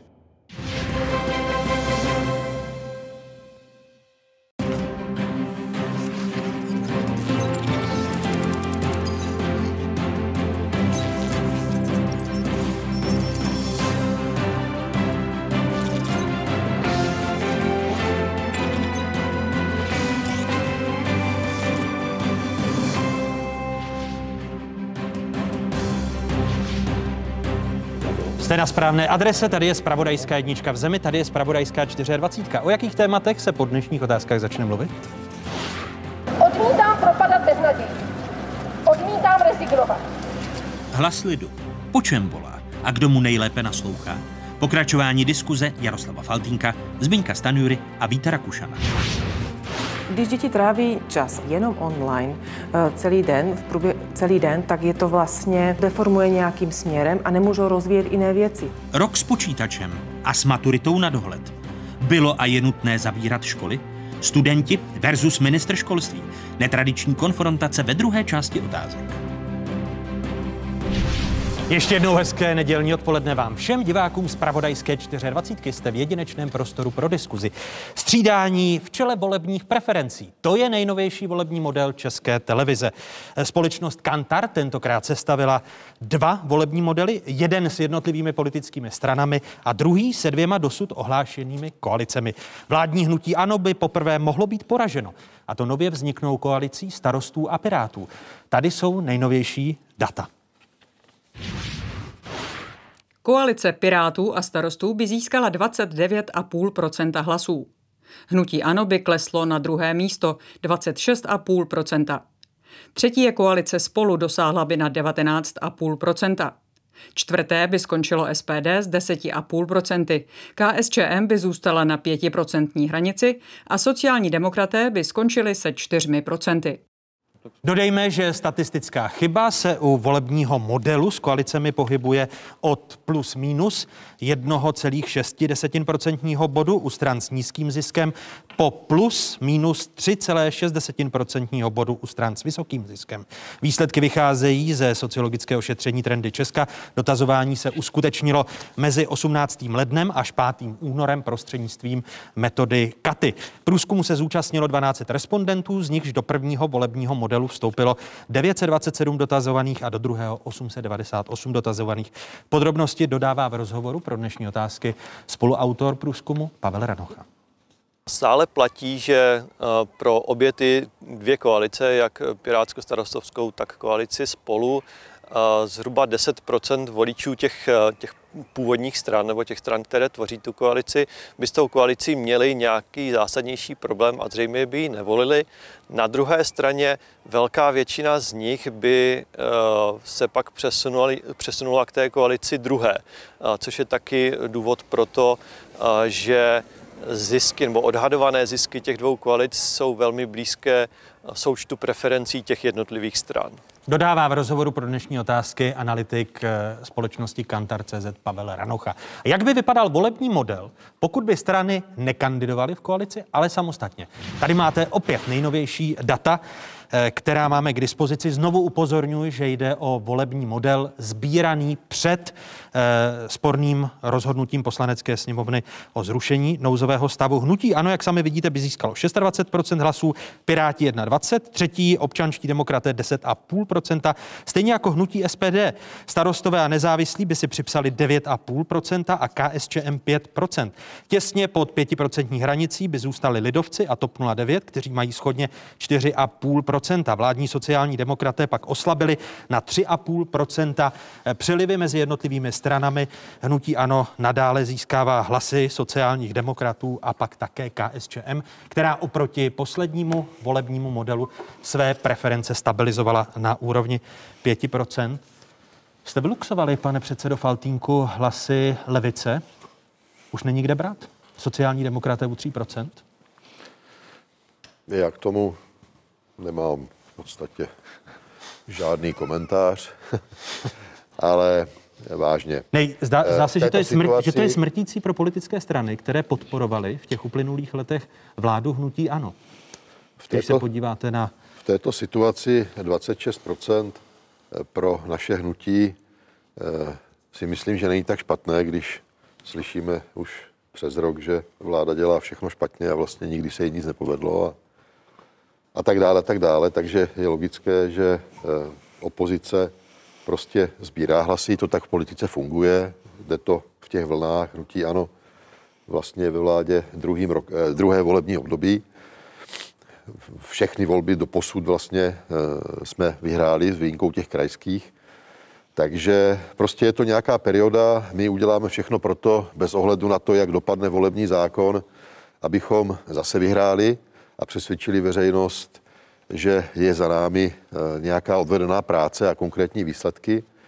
Ale prostě budete, v této, budete v této schopni... kritické situaci já rozumím i těm lidem, prostě, kteří jsou naštvaní, jsou naštvaní na vládu, na ta opatření, která se dělala z různých důvodů. Takže já to vnímám prostě jako politickou realitu a uvidíme, jak to na podzim dopadne. Tam jde spíše, a... jestli, jestli na podzim bude podle čeho přepočítávat, protože to je klíčové, mm. protože no. rozhodnutí ústavního soudu de facto... My věříme, že bude. My věříme, že no, bude. K tomu se musíte přičinit, aby to nedopadlo Určitě. tak jako s nouzovým stavem. Eh, budete schopni najít dohodu, no. nebo budete ku příkladu jako hnutí ano trvat na jednom volebním ne, ne, obvodě? Já řeknu naší stávající pozici. Já jsem minulý týden byl osloven vlastně kolegy z opozice, Eh, Markem Výborným z KDU, myslím, že jsme se i s panem Rakušanem o tom bavili krátce, jestli hnutí ano eh, bude ochotno přistoupit eh, na ten model, že vezmeme jako nosič toho volebního zákona, ten zákon, který je tam předložen z dílny KDU ČSL. My jsme o tom diskutovali na našem klubu, domluvili jsme se, že půjdeme vlastní cestou, že předložíme vlastní návrh, rychle volebního zákona, pak můžeme spojit tyhle, ty, jo, bylo to tak u spousty zákonů, které jsou zhodné nebo podobné, že se spojí rozprava a postupuje to, postupuje to společně. My za nás říkáme v tuto chvíli, že eh, nejspravedlivějším vlastně modelem je jeden eh, volební obvod celá republika, jako, jako je to na Slovensku.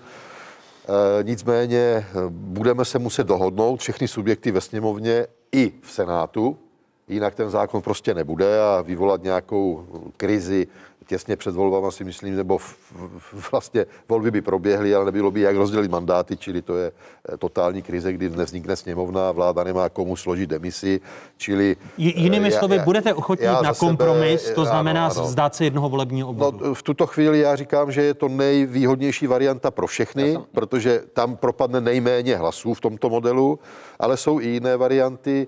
Já teda za sebe, eh, i když nejsem odborníkem, u nás to bude řešit kolegyně Válková, Feranec, prostě naši právníci, eh, budou diskutovat i se senátory. Ta debata vlastně už začala probíhat, že jo. Pan senátor Vystrčil, mám pocit, na úterý svolává nějaký odborný seminář s ústavními právníky do Senátu, my se toho zúčastníme, ale chceme prostě předložit i my sami nějaký vlastní návrh a chceme diskutovat se všemi subjekty, Prostě protože po tom, co vlastně pan Rychecký si sám sobě zrušil vlastně zákon, který prosadil před 20 lety. Pan Rychecký je jeden z 15 ústavních soudců. Omlouvám se, ústavní to, soud. To, že, ústavní to, že to, tak, to, že tak, to tak, hrajete proti jo. Pavlu Rycheckému. Ne, ne, ne, ne, to není proti Pavlu. Já jenom no, říkám, jste Pavla Rycheckého, no, jasně, že jakoby on, on byl jak... přece vicepremiérem pro legislativu v době, kdy ten zákon vznikl, on ho prosadil. Znovu říkám, a Pavel Rychecký zrušil, je pouze takže... jedním z ústavních ale, soudců. Ale za nás říkám, že já jsem to teďka začal, začal řešit tuto otázku, i s Markem Bendou už jsem diskutoval v pátek. Proto se ptám, takže... co by z vašeho pohledu mohl být vhodný kompromis, protože jeden volební obvod je menšinový názor z toho, jak jsem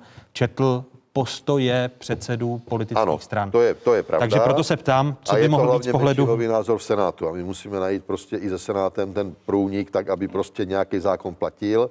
A Budete ochotní v tom tedy varianty. ustoupit? No tak my určitě nezablokujeme přijetí volebního zákona. Jo. To je důležitý slib. Ano. Zbyň, Zbyňku Staňuro. Tak jestli můžeš ještě komentář k tomu, co jsme viděli, tak málo když to stane, ale já mám před sebou, jsem viděl tenhle a mám před sebou ještě další čtyři, které se publikovaly od pátku. Jeden mám tady. A v zásadě si říct, že ty průzkumy ukazují to samé a je to pozitivní. To znamená, to znamená, já myslím, že se blíží konec vlády Andreje Babiše a hnutí ANO. Všude, Neporcujete medvěda příliš? Tak, uh, ma, ne, neporcuju, neporcuju medvěda příliš. Musíme i ocenit, eh, když se našim politickým soupeřům něco povede. Hnutí ANO se povedlo koncentrovat hlasy levicových voličů. My se v naší koalici spolu s kolegy z TOP KDU snažíme koncentrovat hlasy středopravicových voličů. Kolegové se snaží koncentrovat hlasy levostředových voličů. Myslím, že to je logická, logický posun. Ale nakonec všechny tři, ty tři, čtyři, pět průzkumů ukazují, a neznáme výsledky, jsou tady tři silné alternativy, e, jsou tady tři adepti na vítězství a nakonec volič bude rozhodovat, jestli příštím premiérem bude Petr Fiala, Andrej Babiš nebo Ivan Bartoš. Myslím si, že to bude zajímavé. My jsme samozřejmě přesvědčeni, že nejlepším příštím premiérem je Petr Fiala. Já věřím, že ten souboj bude fair, že to bude souboj argumentů. A, a teď, tomu volím, a k tomu volebnímu zákonu. Ano. Proto tom, Co by mohlo být to byl dobrý úvod, protože pro voliče se nezměnilo vůbec nic. Volič dostane volební lístky, nabídku kandidujících stran nebo koalic s programem a s kandidáty, hodí to tam. Pro nás se taky nezměnilo nic. My chceme ty volby vyhrát, chceme být na prvním místě a chceme, aby Petr Fiala uh, sestavoval příští vládu. A co se stalo?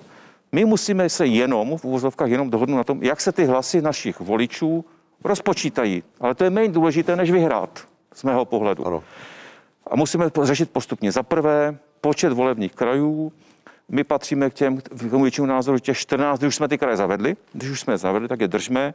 Máme regionálně krajský organizovanou politiku. Dneska se hodí hejtmanům, eh, hodí vládě, že jedna ze 14 hejtmany, strany mají krajské organizace a je se pěti voliče s tím eh, poslancem. Na mě se velmi často obrací. Jiný, jinými slovy, kompromis voliči... podle vás bude že zachování 14 ano, krajů, protože to myslím, ústavní soud myslím ani si, nezrušil. Ano. Je to jeden z argumentů, že to ústavní soud nezrušil, protože ty neústavní výsledky nebo důsledky toho volebního zákona, neudělání chudák Dontův systém, který je v tom nevinně. Je to, je to metoda přepočtu, která se používá v většině evropských zemí, ale ta rozdílná velikost krajů a s tím nic neuděláme. Prostě středočeský kraj bude pořád mnohokrát větší než Karlovarský kraj naopak. Takže počet krajů, tam si myslím, že se dohodneme. Eh, pak budeme znova debatovat eh, vstupní kvora pro koalice. Taky si myslím, že se dohodneme, že, aspoň já jsem znám, že jiná čísla, než byla zrušena 7, 9, 11, nebo nějak modifikované projdou. A pak je třetí věc, jak rozpočítat ty hlasy. Tady je několik modelů matematických. Teď mi připadá hrozně legrační, že ta strana si vezme takovýhle model, takový průzkum a začne počítat. Varianta A, tady mám 51 mandátů, v variantě B mám 50, v variantě C mám 52, budu pro C. My takhle postupovat nebudeme. Chyba těch přepočtů je, že se vždycky modelují staré výsledky. A velmi často se stane, že si někdo takzvaně napíše volební zákon pro sebe, volí se zachová jinak a neplatí to. Která varianta tedy bude nejpravděpodobnější? Pokud Já si myslím, že nejpravděpodobnější bude 14 volebních krajů, nějaké vstupní kvora pro dvou, tři a čtyřčlenou eh, eh, koalici, menší, eh, možná výrazně menší, než byla. A určitě podle mě budou dvě skrutinia. Bavme se o tom, kolik se rozdělí v prvním skrutiniu, kolik v druhém. Na tím my jsme připraveni fakt na kompromis. Nemám, nejdem do těch jednání s tím, že varianta 3 upravený tenhle ten činitel ve spolupráci s kým je jedině, jedině správné. Já myslím, že je dobře, že budeme komunikovat obě komory. To už nás nutí k tomu, že se musí dohodnout většina politické scény. Neříkám, že všichni, ale většina protože vládní většina i teď ztratila, ale vláda měla doposud většinu v poslanecké sněmovně. Menšinová vláda. Ne, ale měli jste většinu při hlasování a získali jste důvěru. A opozice měla většinu v Senátu. Senátoři, pokud jsem pochopil, se tváří velmi střícně k tomu a říkají, pro nás jsou důležité základní principy, to znamená 14 volebních krajů, možná ta aditivní kvora pro koalice. A já jsem za to, že senátoři jsou připraveni akceptovat dohodu v poslanecké sněmovně na rozdělení mandátu, že správně říkají, to jsou vaše volby a, a ne naše. My jsme taky byli schovývaví, když se jednalo o volební zákon do Senátu. Takže já myslím, že to vyřešíme. Je škoda, že vy tomu bránit, abychom měli aspoň volný nosič, ale to je technikálie. Když bude dohoda politická, tak ten zákon rychle projednáme ve sněmovně i v Senátu. A když nebude dohoda, tak je jedno, jestli jsme v prvním Jste schopni to učinit do konce března? Musíme. Já, na, naš cíl je mít do konce března hotovou politickou dohodu a pak už jsou nutné legislativní kroky, to už si řekněme, co povede nejrychleji k cíli ale my uděláme všechno pro to, abychom do konce března tu dohodu měli. Myslím, že to zase není tak složité, pokud každý projeví dobrou vůli a nebude pracovat zatvrzele jenom tu svoji správnou variantu. Stručná, doufám, reakce, no, stručná reakce nejde, protože já jsem byl jediný, kdo na té schůzce byl, kde se o volebním zákonu jednalo. To je pravda. Na té schůzce jsem byl, kde jediný, kdo ten kompromis odmítnul mlčením na hodinu a čtvrtvrvající schůzce, byl pan premiér Babiš. My jsme se dohodli všichni ostatní, že pošleme do druhého čtení zákon zákon, jehož autorem je Marek Výborný. Tak se nestalo. V pátek jsme o tom hlasovali, do druhého čtení jsme ho nedostali. Tak já se ptám, jestli je pravda, jestli je pravda ze strany tedy vládního hnutí, ano, že opravdu ten kompromis bude hledat, že ho chce najít. Zatím to tak vypadá. Faltínka, Jednu větu, no ale hlasování vypadalo jinak. A chtěl bych ale říct, to bylo o, jenom o tom. Uh, o tom, co KDU. bude nosičem. Ano, no, ale, no. Ale, ale mohli jsme ten proces urychlit o 14 dnů. A jednu větu k průzkumům. S velkou pokorou vnímám to, že tady dochází k nějaké změně na politické scéně, ale musíme si to všichni nesmírně odpracovat. My jako koalice Piráti a starostové jsme na tom připraveni. Rozhodně neoslovujeme jenom středové voliče, my oslovujeme ty voliče, kteří v téhle zemi chtějí nějakou naději a změnu po tom, co tady 8 let předvádí hnutí Ano. Tak děkuji za tuto věcnou diskuzi. Jaroslav Faltýnek, předseda poslaneckého klubu Hnutí Ano. Děkuji. Zbigněk Staňura, předseda poslaneckého klubu občanských demokratů. Děkuji za pozvání. Také děkuji, že jste ho přijal a děkuji i Vítu Rakušanovi, předsedovi Hnutí stan. Hezkou neděli vám i divákům. Nejen různá úroveň distanční výuky, ale i negativní dopad na psychiku žáků a studentů. To jsou plody několika měsíčního uzavření škol. Dětem chybí sociální kontakty a volnočasové aktivity, ztrácejí motivaci cokoliv dělat, cítí se osaměle. Psychologové zaznamenávají příznaky depresí. Výpovědi studentů zaznamenal pořad České televize 168 hodin. Cítím se frustrovaně, mám prostě, často mi dělá problém i třeba jenom vylíst z postele. Řeším úzkostlivý stavy teďka, které se nikdy před karanténou neobjevily. Zábavu z určitého dne jsem, ta se úplně vytratila, protože opravdu každý každý den je teďka úplně stejný. Na jaře loňského školního roku to byly výhradně otázky vztahující se eh, k distanční výuce, jak to všechno zvládnout po té výukové stránce. Eh, změna nastala teďka na podzim a v zimě, kdy eh, děti začaly mít více úzkosti, deprese. Dětem asi nejvíce chybějí spolužáci, kamarádi ve stejném věku. Podle psychologů je především to klíčové. Děti, které je třeba 9-10, tak tam ty, ty vrstevnické vztahy jednoznačně jsou jako nejdůležitější pro tu, pro tu duševní rovnováhu, pro, tu, pro ten růst. A tam, tam si myslím, že to může poznamenat, zejména když se to opakuje. Já myslím, že je nejdůležitější eh, prostě se vidět s těma svýma vrstevníkama a to teďka opravdu nejde a strašně mě to mrzí, nebo je na to daleko méně příležitostí a já mám pocit, jako kdyby mi um, tady ty příležitosti uh, protýkaly uh, nebo sypaly se mezi prsty jako písek. Děti potřebují děti a potřebují dětský kolektiv. My dospělí už jsme socializovaní, ty děti tu s tím procesem socializace sami procházejí. Žádné kroužky, žádné srazy s kamarády. Jediný kontakt se světem, jaký znali, je počítač. Děti stále častěji unikají do virtuálního světa. Počítačové hry jsem hrál i předtím, ale teď se hraje rozhodně častěji, protože je to vlastně jediná forma, jak se můžu teď spotkávat se svým, svými kamarády. To hraní videoher je vlastně moje poslední záchrana. Dneska děti žijou jenom virtu, hlavně virtuálně a čím víc takhle budou žít, tím se na to víc zvykno, budou zvykat, takže ta závislost bude narůstat. V této situaci může deprese u dětí prohloubit i chybějící komunikace mezi rodiči a dětmi se objevují ošklivé věci jako sebepoškozování, útěky z domova, pokusy o sebevraždu, zneužívání psychofarmak. A nakonec život bez školy může vyvolat i strach z návratu do normálního režimu. Pro mě osobně i pro mý vrstevníky obecně bude hrozně problémový se do té školy vrátit zpátky, protože si hrozně odvykli mít ten řád a pořádek, který teď hrozně chybí. V březnu to bude rok, co se poprvé zavřely školy. Od té doby se podle vývoje epidemické situace otevíraly a zavíraly, ale pro různé věkové skupiny jinak. Jen vysokoškoláci se do škol vlastně nepodívali vůbec. Dalšími hosty otázek jsou avizovaní. Minister školství České republiky Robert Plaga z Hnutí Ano. Vítejte, hezký dobrý den. Dobrý den. A vítám i studentku a studenty maturanty. Konkrétně studentku střední pedagogické školy a gymnázia Vyšší odborné školy v Karlových Varech Adelu Balášovou. Adelko, vítejte, hezký dobrý den. Dobrý den. Mé pozvání přijal student Smíchovské střední průmyslové školy a gymnázia v Praze Jiří Vojtěch. Dobrý den. Vítejte, hezký dobrý den. A vítám i studenta podkrušnohorského gymnázia v Mostě Dominika Duvka. I vám, Dominiku, hezký dobrý den. Dobrý den, děkuji za pozvání. Začnu vás jako u studentů. Vrátíte se do škol 1. března a řeknete si bohužel nebo bohudík, Adelko?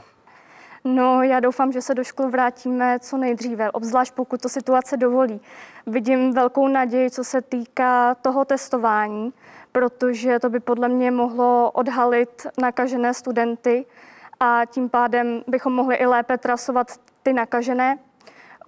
Nedokážu si moc představit, jak by to teda probíhalo organizačně, protože samozřejmě některé školy mají opravdu daleko více maturitních ročníků než další, takže tam můžeme mít na škole 120 studentů. Kolik je u vás v Karlových Varech? My máme čtyři maturitní třídy. V každé je tak 25 žáků. To znamená poměru. přibližně, přibližně stovka. Jak je, to, jak je to u vás? Bohužel nebo bohudík? 1. března zdá se, že se maturanti vrátí do škol. Já bych asi neříkal, jestli bohužel nebo bohudík. U nás eh, díky tomu, že jsme z většiny IT obor, tak eh, to, že je distanční výuka, tak to není takový problém. Ale to, že se budeme vracet do školy, tak nám umožní asi nějak zintenzivnit tu přípravu na maturity. Takže v tomhle ohledu je to určitě dobrá zpráva. A to, to znamená, další oddalování si myslíte, že by vám zkomplikovalo přípravu na maturitu, která už tak je asi komplikovaná? Nám konkrétně si nemyslím, že by to nějakým způsobem zkomplikovalo přípravu na maturitu. Asi by byla o něco těžší a byla by větší zodpovědnost na studentech, ale konkrétně v tom našem oboru se to dá vyučovat online. Dominiku? Jak to bude u vás? Tak já řeknu taky, začnu tím, že máme taky čtyři maturitní uh, třídy, to znamená taky kolem 100 uh, žáků. A za mě teda určitě bohu dík. Já si myslím, že je potřeba, aby děti ve škole byly, že ten rok, který už to vlastně trvá skoro, je velmi dlouhý a když se vezme nějaká, nějaký objem látky, který je třeba schopný uh, učitel probrat za měsíc, tak ten rok je vlastně v tomhle pohledu uh, opravdu hodně dlouhá doba.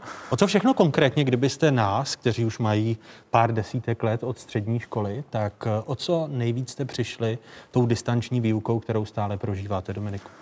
No, já uh, bych řekl, my máme na škole semináře, které nás připravují k maturitě a profilují nás nějakým určitým směrem. A tam ta, taková ta názornost nebo i takové ty ukázky, my jsme měli naplánované na semináři psychologie různé exkurze. A když přijdete tady o to, tak přijdete určitou zkušenost i do života. A je to opravdu škoda. U nás na škole, s okolností, vy jste u nás uh, byl jednou, my máme takové 14 Já myslím, týdenní. že už dokonce dvakrát u vás. No, máme takové tematické týdny, kde si zveme různé hosty a uh, i tento týden by třeba mohl proběhnout, takhle neproběhl a to si myslím, že je opravdu velká škoda.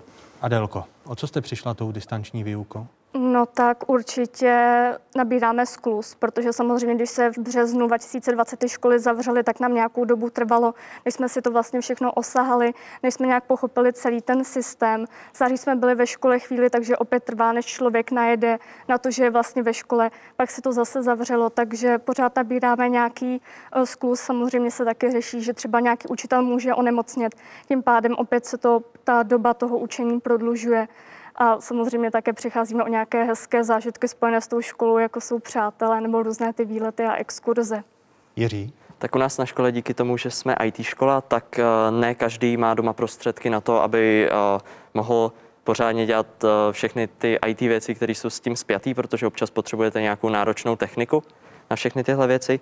A taky, taky díky tomu to bych řekl, že je největší největší zápor té online výuky, že když na to někdo prostě doma nemá techniku, tak ta výuka potom nemůže být taková. Pane ministře, vy jste tady s maturanty. Je to už jisté, že 1. března se vrátí do škol? Uh, naučil jsem se říkat, že uh, nic není jisté, uh, protože nikdo z nás si před rokem nedokázal představit, co tady budeme, co tady budeme zažívat. Uh, já bych si to přál, myslím si, že to je velmi pravděpodobné, že se vrátí zpátky, ale a budu se opakovat a chápu, že polovina společnosti to neslyší ráda, ale záleží na každém z nás, eh, jestli to půjde nebo nepůjde, protože chování... Ale ta dnešní, promiňte, že vstoupím do vaší řeči, ta dnešní dohoda s hejtmany, kdy hejtmani jasně řekli, že by 1. března se maturitní ročníky měli vrátit a vy byste měl představit další plán návratu dětí do škol, ta asi posouvá naše dnešní hosty ze středních škol k tomu, že nastoupí. Z mého pohledu je strašně dobře, že už to není jenom ministerstvo školství, případně uh, nějaké iniciativy Koronérv a Daniel Prokop a další, kteří říkáme od podzimu to stejné. Říkáme, že školy, uh, a není to žádné novum, uh, v těch vyspělých zemích se školy zavírají jako poslední, to se nám nepovedlo, protože jsme byli v exponenciále 10. října a otevírají se jako první. Já jsem rád, že se ta retorika v poslanecké sněmovně i teď hejtmanů trefuje do toho, co společně říkáme s ministerstvem zdravotnictví, že nebavme se o uvolňování v ostatních oblastech předtím, než dokážeme vrátit žáky do škol. Takže dělejme teď vše proto, abychom dokázali 1. března vrátit maturanty 9. třídy a v následných rozvolňujících vlnách dokázali všechny děti dostat do škol. Teď to, teď to máte na to přibližně 16 dnů. Jak daleko jste k tomu návratu do škol? Je tedy zřejmé, že se maturanti, přinejmenší maturanti, a devátáci do škol vrátí. To co, to, co na podzim uh, bylo jenom v nějakých debatách, že se vyvíjí nové typy testů, tak ty testy jsou uh, dneska uh, dostupné. Eh, ministerstvo školství, přestože to gestně není naše záležitost, tak kolegové zpracovali materiál, který byl na vládě, který mapoval ty typy testů, včetně PCR odběru ze slin, ale i těch antigenních.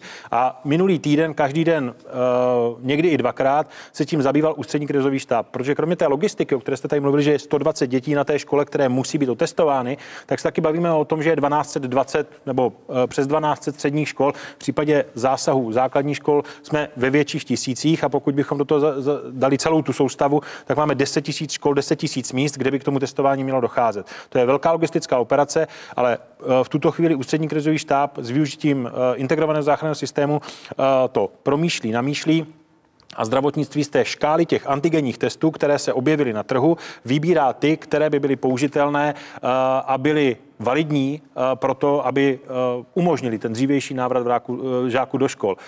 To dřívější... Pokud jste to ten měl říct procentuálně, je tedy stoprocentní, že alespoň deváté třídy a maturanti se do škol na počátku března vrátí?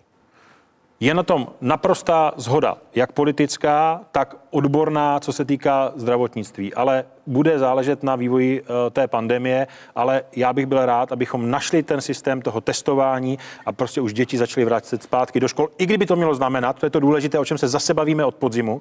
Pokud chceme dostat děti do školy a bavíme se o míře home officeu, tak minimálně od listopadu nejenom já, ale většina lidí říkáme, uh, ta míra home officeu není taková jako na jaře a ten home office by umožnil díky snížení sociálních kontaktů těch pracujících vrátit děti do škol. Takže já věřím, že se konečně pochopíme všichni v té společnosti a bude naší společnou prioritou, aspoň to všichni teď deklarují, tak konečně vrátit děti do škol od 1. března. Ale to, nejdříve to budou devátáci a maturitní ano, ročníky. ty priority jsme představili jako ministerstvo ano. školství. Já jsem to opakoval uh, ve sněmovně teďka, když se projednával nouzový stav. Ty priority jsou jasné od října.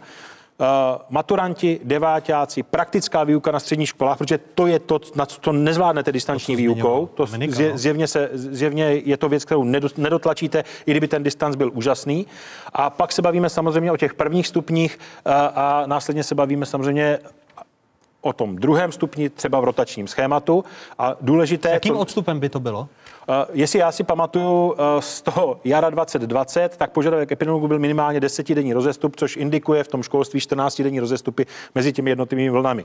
Ale to je epidemiologický po- pohled na věc. A pro naše dnešní maturanty, už víte, k jakému modelu testování se ty vaše rozhovory s ústředním krizovým štábem a ministerstvem zdravotnictvím přibližují? Jestli Adélka, Jiří a Dominik se budou samotestovat, když přijdou do školy, nebo je budou testovat učitelé, což zase odmítají, odmítají odboráři? Ta debata, ta debata uh, odboru je uh, úplně mimo tu škálu toho návrhu, který tam byl, protože o tom, že by odebíral uh, ten vzorek učitel nebo nepedagogický pracovník, nikdy nebyla řeč ani v tom našem materiálu. To znamená, jsou to samotestovací sady. V tuto chvíli ta debata je o antigenním testování, pravděpodobně uh, tou variantou rakouskou, to znamená odběr z kraje nosu, nikoli v uh, nosohltanu, jako jsou ty standardní antigeny teďka.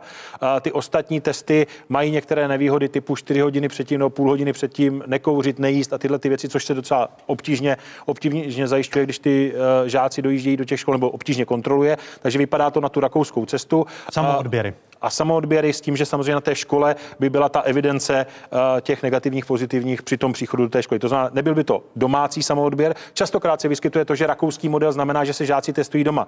Prosím, v rakouských uh, materiálech je napsáno, že to testování probíhá in der Schule. To není zu Hause. Takže uh, vím, že paní ředitelka Skejbalová několikrát opakovala, že rakouská varianta, že ji preferuje uh, a že to je odběr doma. Není. Rakouské děti se testují ve škole, a po 15 minutách se ví, jestli je to pozitivní nebo negativní. To je cesta, kterou se v tuto chvíli ubírá ústřední krizový štát. Takže samo odběry. Co vás zajímá v souvislosti s tím návratem, na co byste se zeptali ministra školství Adélko?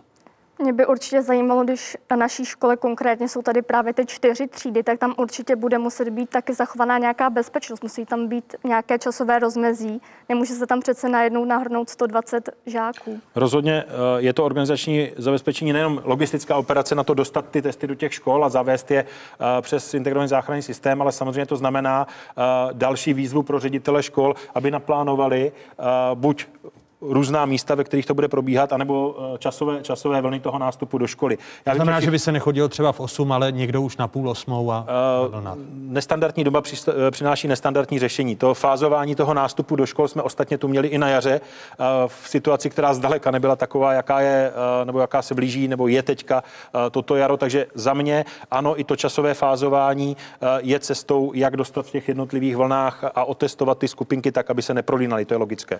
Jirko? A myslíte, že někdy v budoucnu bude možný skombinovat nějak prezenční výuku a tu výuku distanční? Uh, myslím si, že vždycky se říká, konečně to přineslo nějaký velký třesk do českého školství. Přineslo určitě. Řada uh, učitelů um, ani netušila, že je schopna používat uh, moderní techniku v takovém rozsahu, jaký používá, ale zjevně se ukazuje, že uh, moderní výuka nebo budou, výuka budoucnosti není jenom distanční. To, že tam je ta socializace, to cítí každý z nás, že prostě chybí ti spolužáci, chybí ten kontakt, ta interakce a ty měkké dovednosti. Takže rozhodně eh, budoucnost je v kombinaci prezenční a distanční výuky, nikoli v distanční nebo jenom v prezenční.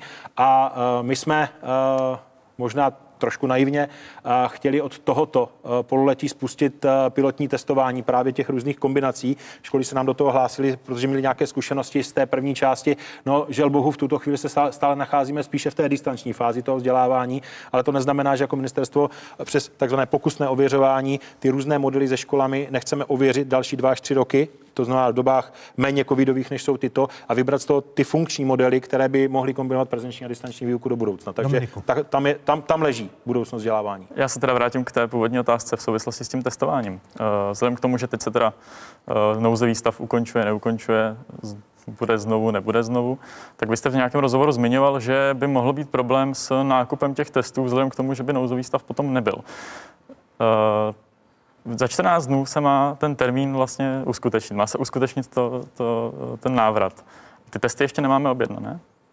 Ty testy ještě nejsou objednané. Uh, když se bavíme o tom, jak eh, to má, jak to má probíhat eh, logisticky, tak v tuto chvíli, nebo aspoň já jsem viděl seznam zhruba 45 nebo 50 typů hmm. antigenních testů.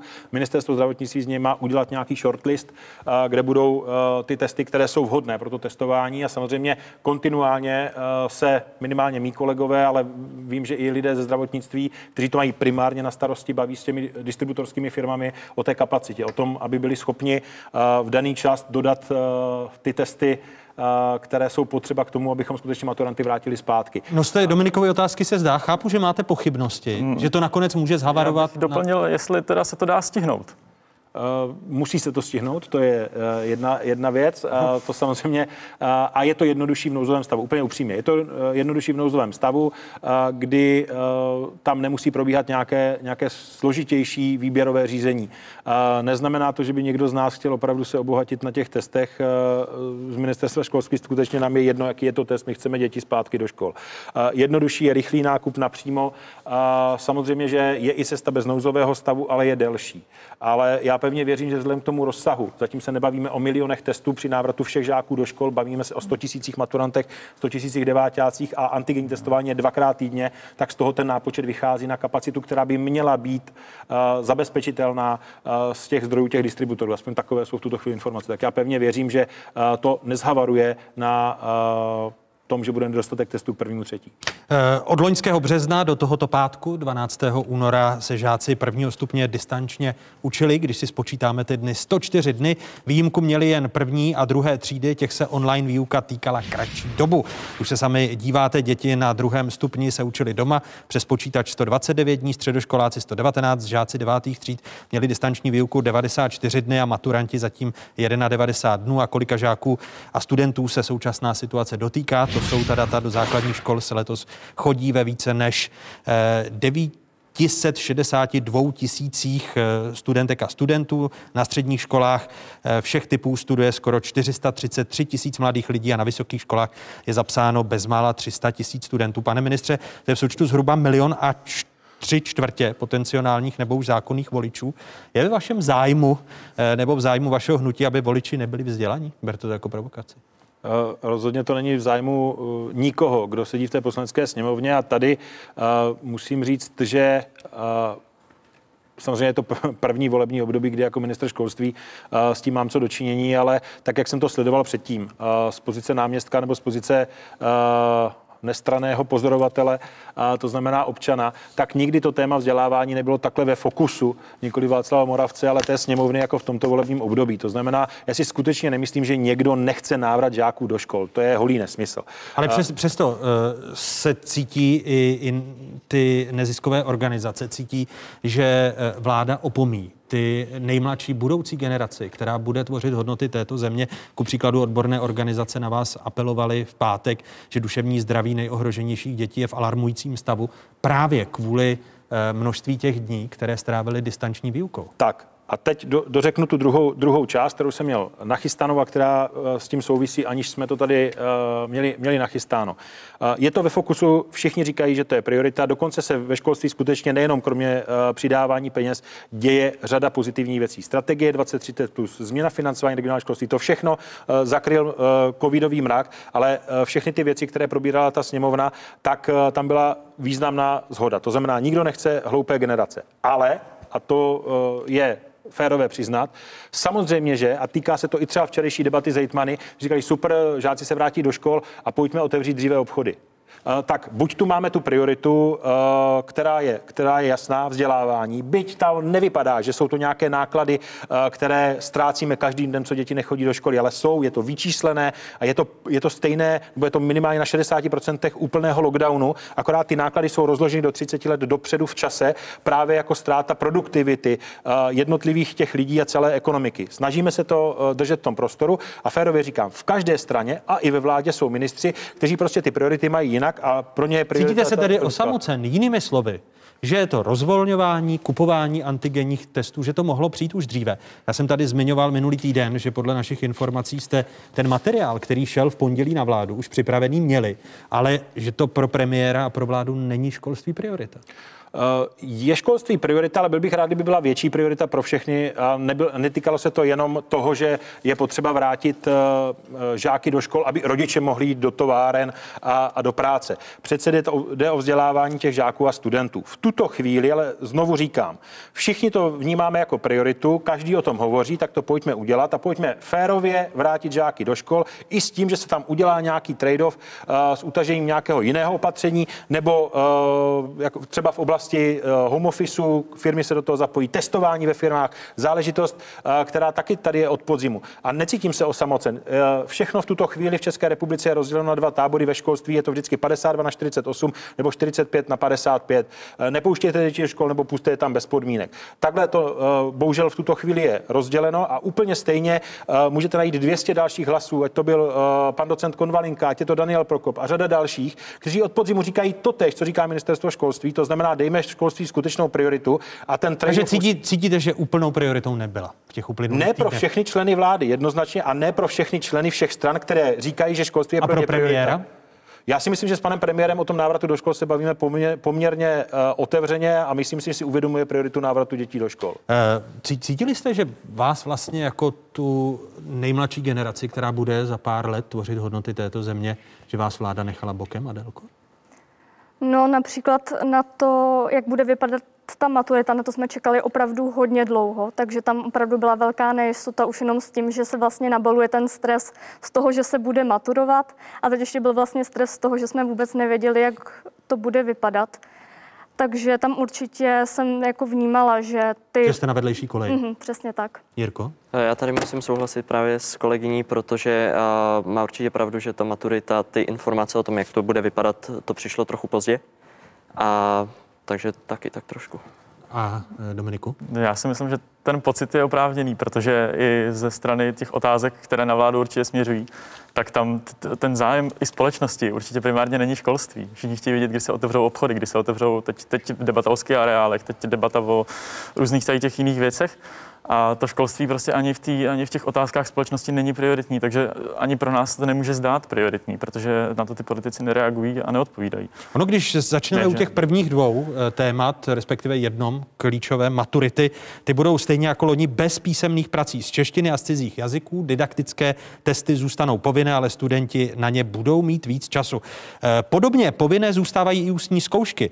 Eh, změny ale středoškolákům nestačí. Letošní maturita je navržena v té navržené podobě předzvěstí neúspěchu píší ku příkladu maturanti na facebookové události Svíčka za maturitu. Středoškoláci, kteří nesouhlasí s úpravami maturit, protestovali v pátek minulý týden před budovou ministerstva školství v Pražské Karmelické ulici.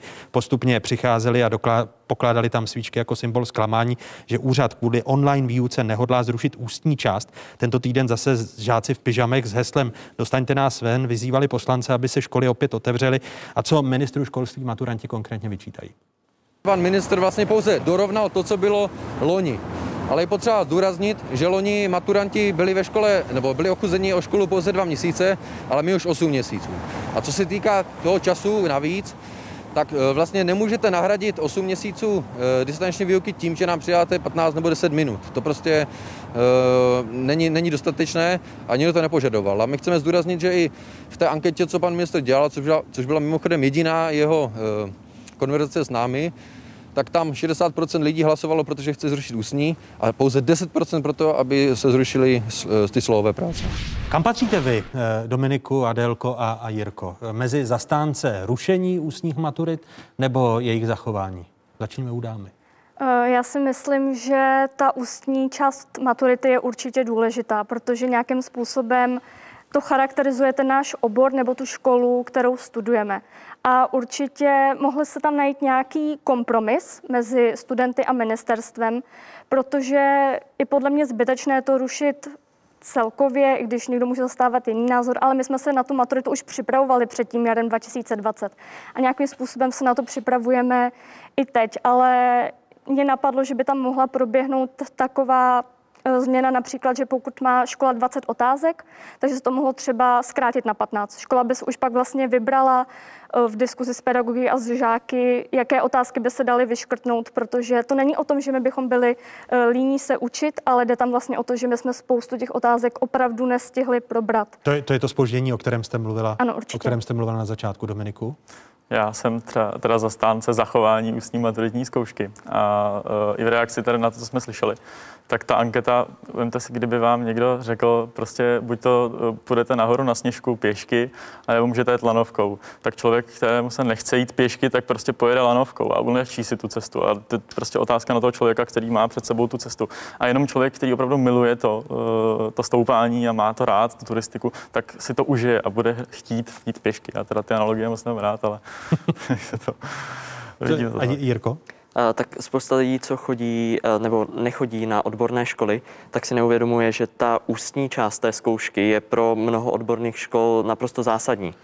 Takže já jsem naprosto proti, proti tomu, aby se to rušilo jako všude. Když se řekne ústní zkouška, tak jako taková ne. A je něco, co vám na podobě té maturity, kdybyste seděli na místě Roberta Plagy, co vám na podobě té maturity nebo to, jak s vámi ministerstvo komunikuje, co byste změnili, kdybyste se stali ministrní či ministrem školství Jiří? Eh, Tam je hrozně těžký říct, eh, v jaký je pan ministr pozici, eh, protože já tam sedět, tak sám nevím, jak jinak bych to řešil. Je prostě teďka obtížná situace a musíme být nějakým způsobem schovývaví k tomu. Já věřím tomu, že se snaží dělat všechno, co může. Dominiku? To je obtížná otázka, opravdu, jo, z pozice studenta. Ale uh, myslím si, že je třeba v pohodě, že se ta uh, zodpovědnost přenesla na ty ředitele škol. Aspoň co se týče té ústní zkoušky, že si můžou tu uh, formu upravit podle sebe, protože přece jenom je to jejich uh, část té maturity, je to ta školní část. Ale zase se spoleháme na to, že, ty, že i ti ředitelé budou uh, přemýšlet takhle, uh, z, takhle uvědoměle a že to vlastně všechno dopadne dobře. Takže je to takový riskantní krok na jednu stranu, ale asi se to jinak vyřešit nedalo. Tak, začněme nejdříve tím, proč tak dlouho jste znervozňoval Adélku a další maturanty a maturantky. Eh, jaká bude podoba letošních maturit? Tak eh, první věc, eh, kterou fakt chci říct, eh, tak eh, to skutečně souvisí s tím, že si uvědomujeme, já a mý kolegové, eh, v jakém obrovském stresu jsou maturanti. Je v něm celá společnost ostatně, ale i já si ještě dokážu, byť je to hodně dlouho zpátky, svoje pocity před maturitou. Člověk má pocit, že to je nejvyšší kopec v jeho životě, že se na tom láme jeho budoucnost a všechno. Já jsem že právě při debatách o maturitě se mě hodně těch pocitů vrátilo zpátky. Takže naprosto chápu tu nervozitu, která, která byla. Když si to vezmu A chronologicky. teď už je to definitivní. To, co jste Teď do, představili. teď do k tomu. Uh, Do 30. listopadu jsme řekli, uh, jak budou vypadat přijímačky a řekli jsme, že maturity budou bez změn. V té chvíli se šlo uh, tím rozvolnícím scénářem a každý z nás doufal, že to bude, že to bude v pořádku a že to budeme řídit třeba někde mezi stupněm 3-4 uh, toho, toho psa uh, 1-0, který tu byl. Zjevně se ukázalo, že jsme se všichni mýlili a byla tu další, další vlna v lednu. Proto jsme s kolegy eh, skutečně právě díky tomu výpadku, studenti nebyli zpátky ve školách, tak eh, jsme začali jednat i o těch změnách a úlevách. Probrali jsme je s asociací ředitelů, eh, nejenom gymnázií, ale i odborných škol. Bavili jsme se o tom i s jednotlivými řediteli, nejenom ze zástupci těch asociací. Ptali jsme se na to i učitelů a to možná byla částečně ta časová prodleva. Ano, chápu, že každý den je nervozita u studentů vyšší a vyšší, ale skutečně jsme se to snažili vybalancovat. Já vnímám na těch sociálních sítích a je mě strašně líto, protože teď si troufnu říct, že dostanete strašně naloženo na těch sociálních sítích, zrovna od eh, té iniciativy, která tam byla zmíněna, jenom za to, že jste tady vyjádřili názor, který není stejný, jako mají oni. Ale to nevadí. Eh, My jsme eh, vy to zvládnete a já to musím zvládnout také a já teď se vynasnažím vysvětlit, jak jsme postupovali a věřím, že to je logické a že i vás a i ostatní, co se na to dívají, to přesvědčí o tom, že jsme k tomu přistoupili zodpovědně. A Když vezmete ty didaktické testy, je to státní minimální úroveň, která je pro všechny školy stejná. Je procvičitelná distančně? Ano nebo ne? Ano protože eh, existují Je? procvičující a- Proč- aplikace, dá se, na to, eh, dá, dá se to eh, na, naučit z domu. Uvolnili jsme do aplikace Inspisu testy z minulých let, teď jsme to posílili o Němčinu, jak jsme slíbili, takže kdo nemohl stáhnout Němčinu, může ji od teďka stahovat. Fu- Funguje vám to jenom, aby jsme měli zpětnou vazbu tady od vás? Nebo Tady, upřímně jsem asi neudělal dokonalou přípravu, takže nevím. Ale vím, že zpětná vazba ze školy je, že to, že to funguje. Já si taky myslím, že se na ty didaktické testy doma dá připravit. Tak testy z minulých let že byly dostupné i předtím, než byla nějaká aplikace a e, přeci jenom e, kdo chce úspěšně odmaturovat, ten se musel připravovat z domova i tak. Takže. Tak. To je, takže to jsou didaktické, didaktické testy, včetně nějaké podpory. Já jsem tam slíbil, že eh, v následujícím, eh, já jsem říkal, že se dostaneme do situace, kdy dáme i k tomu nějaká podpůrná vysvětlující videa. Ty kolegové z Národního pedagogického institutu eh, dokončují a zase je budeme uvolňovat, to znamená k těm nejtypičtějším úlohám. A se vynasnažíme i z té centrální úrovně dostat tu podporu, která by měla být od těch učitelů, ale tohle je jakoby bonus navíc. Já chápu, že každý chce úlevu a já říkám, my dáme, my dáme nějakou formu podpory. U slohových prací myslím si, že je fér férové, zase někdo řekl, já jsem si na tom vylepšoval známku, ale když vezmu tu analogii s tím minulým jarem, tak jsme zrušili tu slohovku, aby právě studenti se mohli soustředit na to, z čeho uh, mají maturovat. A teď jsem u té odborné části, jsem u těch profilujících předmětů, jsem u té profilové části, u té školní části. A tam jsme dali ředitelům do rukou ten nástroj, a souhlasím plně s tím, že pokud tam bude ředitel, který to bere uh, po starogermánsku, uh, tak to bude špatně. To znamená, uh, že těm studentům ještě naloží, protože mají nějakou úlevu od státu v té slohové části. Ano, to je riziko, které ale bohužel neho, nemohu ovlivnit, ale stále já jako minister školství nemůžu přece připustit tu ten předpoklad, že většina ředitelů svou práci nedělá dobře. Já jsem přesvědčen, že většina ředitelů právě má tu představu, kolik žáků měl uh, nasazených uh, na, na, na, tu, na tu pracovní povinnost, kolik jich pomáhalo dobrovolně a že právě v té ústní části je schopen to zohlednit. A umožnili jsme ředitelům, aby tam variantně s tím udělali dobře tam písemku, nebo dáme naopak ústní, uh, nebo uděláme to nějakou, nějakým projektem. Ty, ty podmínky může určit ředitel. To znamená, z mého pohledu, ještě s tím přidáním času u těch didaktických testů a přidáním druhého termínu u těch, co měli dobrovolnickou činnost, nebo byli ve zdravotnictví a sociálních službách s tou přímou pracovní povinností, tak já prostě jsem přesvědčen, a nejenom já, že to je dobrý balans mezi tou skupinou, která říká zachovat za všech okolností, je to maturita, musí být tvrdá a přísná, a mezi tím, že ta situace je jaká je, to je distanční. A je, je to tedy teď, pane ministře, definitivní? Už se to měnit nebude? Uh, Nedokážu říct, jestli je to definitivní, protože samozřejmě za uh, předpokladu toho, o čem jsme se bavili v první části pořadu, že se žáci vrátí zpátky, tak my jsme i prodloužili čas na to, aby mohli dodělat ty praktické, aby získali ty praktické dovednosti. U třeba, ať se nebavíme jenom o maturitě, bavíme se i o závěrečných zkouškách na učňovských oborech. Tam je obrovský nedostatek té praxe a proto jsme tam otevřeli ten prostor uh, i přes ty prázdniny na dohnání té praxe. Zase to není, že školy musí mít otevřeno, ale zase věříme ve zdravý rozum těch ředitelů. Přece ti studenti jsou jeho vizitkou. To znamená, on to naladí tak, aby se tam dostali. Takže pokud se žáci dokážou vrátit v tom plánovaném termínu za maturantě závěrečné ročníky do škol, tak věřím, že ten scénář, který jsem představil, je definitivní. Máte, máte nějaké otázky, které v souvislosti se zakončením střední školy a vstupem na školu vysokou e, zůstávají stále nezodpovězeny, Jirko? Tak pro většinu eh, mých spolužáků by to asi byla otázka, jestli eh, když se budou hlásit na vysokou školu, jestli jim to nebude kolidovat právě s těmi maturitami. Tak uh, minulé jaro jsme měli tento problém a vychází z toho, že uh, u maturit, ty, když vezmu didaktické testy, tak to je státní termín, který je dopředu jasný. Tam se dokážou ty vysoké školy, které mají autonomii a určují si te, uh, testy, druhý testu i termíny sami, tak tam k té kolizi většinou nedochází. Ve chvíli, kdy ta školní část, která je různě rozložena, tak tam může dojít ke kolizi mezi tím termínem, ale tam jsme vyzývali i na jaře a budeme opět vyzývat vysoké školy k tomu, aby tam byli vstřícné vůči studentům a nabídli jim jakoby jiný termín, aby to nebylo propadávám termín, když ten člověk na té střední škole musel dokončovat svá středoškolská studia. Tedy, že by se zkoušelo i v červenci a že by část přijímacího řízení byla během když to, když, to takto, když to takto vezmu, tak eh, pro vysoké školy jsme už na jaře a teď jsme to prolongovali, ten zákon, který jim dává maximální flexibilitu, co se týká přijímacího řízení. To znamená, vysoké školy mají naprostou, a vím, že to je častý dotaz od studentů, eh, jak to bude s přijímačkama na vysokou školu. Přijímačky na vysokou školu si určují školy, ale dřív to museli mít čtyři měsíce dopředu vyhlášené podmínky přijímacího řízení, termíny a tak dále. V tuto chvíli jsme jim dali možnost, aby to změnili, aby prostě 15 dnů dopředu na to mohli reagovat.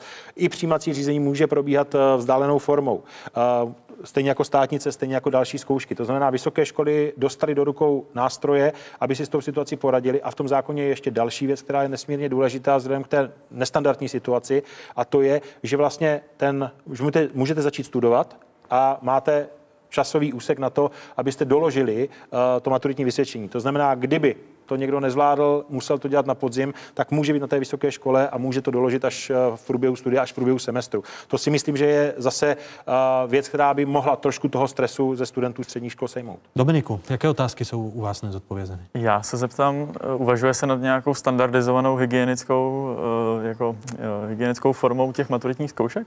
Jestli ten stát, a jestli vy vůbec můžete nařídit, aby ty zkoušky vypadaly tak, tak, tak z pohledu hygienického, to znamená třeba jedna třída na, na ten didaktický test pouze, nebo i po jednom po lavicích, nebo...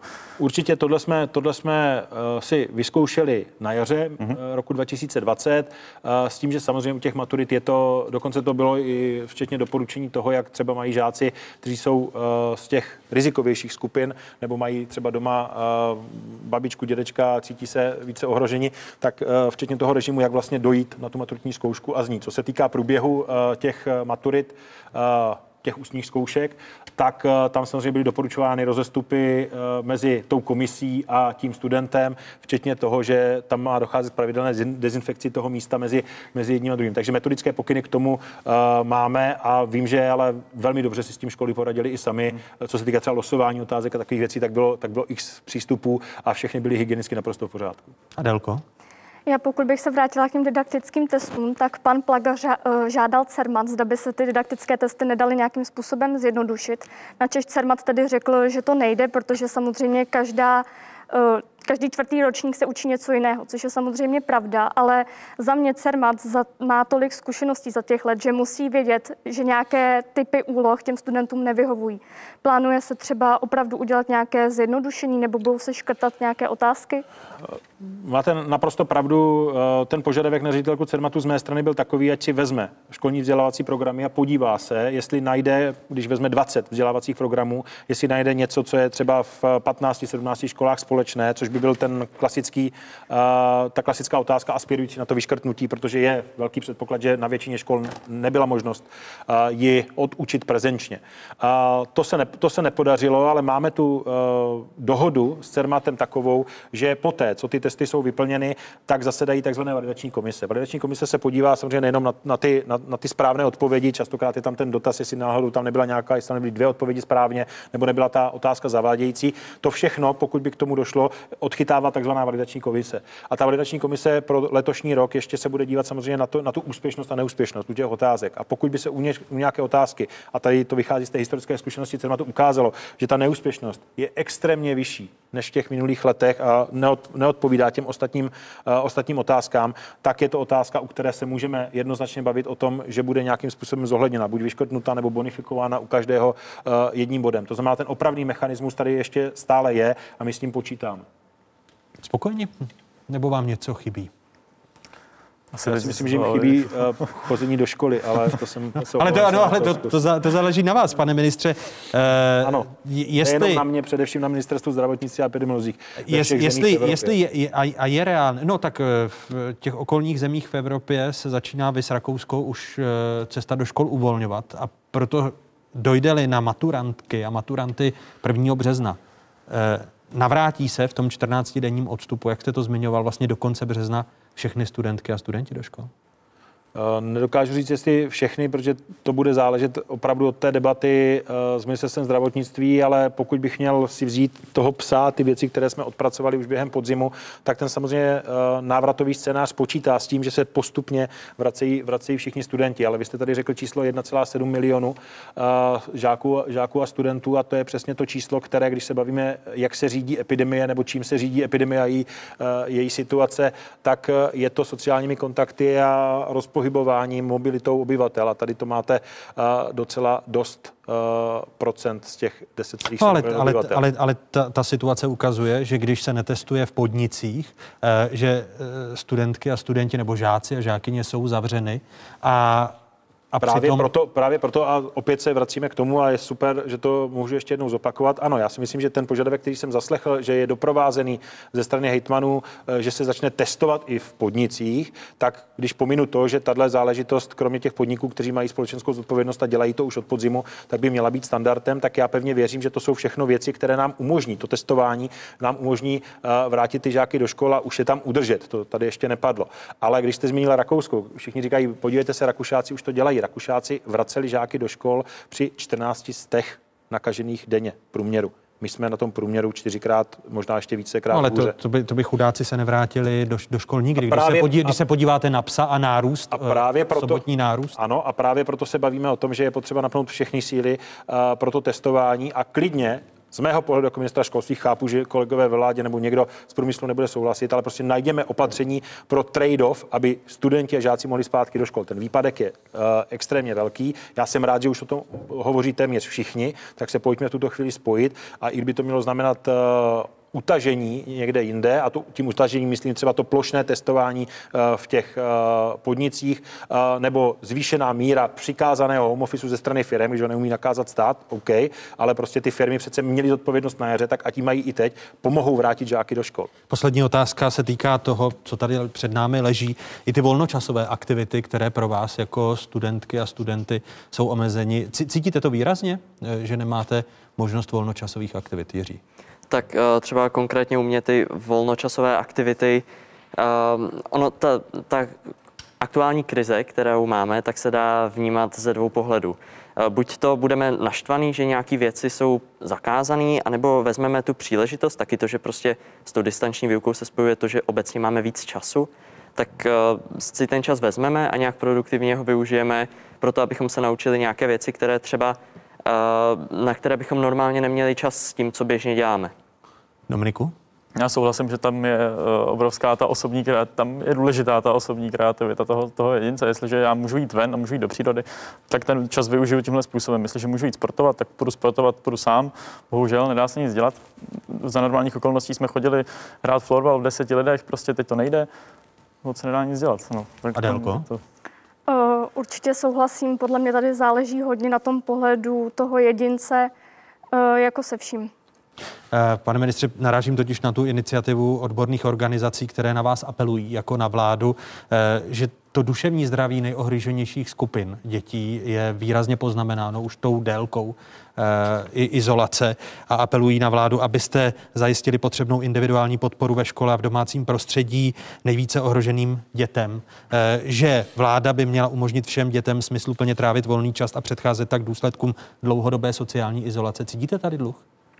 Eh, Já si myslím, že eh, to není dluh, ale výzva, výzva do budoucna, protože ano, ta situace je velmi, velmi složitá, já naprosto nespochybnu ten psychický dopad, jak je to nesmírně dlouhé, eh, tak to má na všechny z nás a na studenty a žáky eh, ještě o to větší. Eh, Je to dáno i tím, že když si vezmu délku vašeho života, tak vám to sebralo podstatně jako větší část, ten, ten podíl, eh, než mě a, a samozřejmě je to v té době, kdy eh, se chcete potkávat s vrstevníky, chcete dělat eh, spoustu aktivit, eh, takže ten psychický dopad je velký a budeme muset jako společnost, bez ohledu na to, kdo bude eh, příštím ministrem školství, tak v následujících třech letech, a my o tom eh, budeme vést debatu ve Fondu obnovy a rozvoje, se zaměřit na odstraňování sociálních nerovností, včetně doučování žáků a rozvíjení volnočasových aktivit, sportovních aktivit. Prostě tady po tomto eh, vzdělávacím lockdownu částečném, byť doplněným distanční výukou, tak prostě se otevírají nůžky mezi těmi, kteří se dokážou a mají doma eh, to podnětné prostředí a mezi těmi, kteří ho nemají. To znamená, Počítám- není to o letních doškolovacích Ano. kurzech, o kterých častokrát, častokrát hovořím. To je první uh, nezbytný krok k nastartování minimálně tříletého programu zvýšeného doučování ve školách, uh, podpory volnočasových aktivit dětí a dalších uh, aktivit, které jsou důležité k tomu, aby jsme se vrátili do relativního normálu, respektive děti a žáci se vrátili do, do relativního normálu. A Aby, proto vy byste, vy, potřeba- aby byste, vy byste byl schopen, i byť to může být politicky nepopulární, zrušit část letních prázdnin? To není, a to právě není o tom, že zrušíte část letních prázdnin a dokážete to dostat zpátky. To je o tom, že nabídnete možnost těm, kteří to potřebují. Uh, to znamená, není to plošné opatření, je to o tom vytipovat ty, kteří neměli ty podmínky doma a nabídnout jim soustředěnou pomoc, ale nejenom 14 dnů nebo měsíc o prázdninách, ale v následujících dvou, třech letech přes doučování, uh, podporu volnočasových aktivit, které by měly být dostupnější. a na to by měly jít výrazně prostředky z toho fondu? Na to jednoznačně, já myslím si, že v tuto chvíli jsou tam nedostatečně zastoupeny prostředky z Fondu obnovy a rozvoje na Kolik, vyrovnání kolik, budete, sociální- kolik budete potřebovat na vyrovnání těch so, sociálních eh, znevýhodnění nebo toho, toho dopadu roku, víc než roku pandemie COVID-19? Já vnímám, já vnímám, že eh, jsou tam i eh, požadavky na digitalizaci a další věci, ale od toho, co tam eh, byly požadavky v tuto chvíli akceptované, nebo to, co tam ministerstvo mělo v tom prvním plánu, tak je potřeba minimálně se bavit o nějakých jednotkách miliard korun navíc přímo na sociální nerovnosti v souvislosti s covidovou krizí. To znamená, pokud se mě ptáte na číslo, tak řeknu 3 miliardy korun. 3 miliardy Což Fondu byste... obnovy a rozvoje, a to podotýkám, je, jsou uh, aditivní, dodatečné prostředky do toho systému a dál musíme držet uh, plyn na těch prostředcích, které směřují z národního rozpočtu i přes tu krizi do oblasti vzdělávání. Protože pokud někdo říká, že se z krize máme proinvestovat, tak to neznamená pouze pevné investice uh, do betonu, ale především investici do vzdělávání, do mladých lidí, kteří tu ekonomiku a tu společnost potáhnou dalších 30 let. Já děkuji, že mladí lidé, konkrétně Adéla Balážová, Jiří Vojtěch a Dominik Dufek byli hosty dnešních otázek. Děkuji za vaše otázky a za vaše názory. Díky.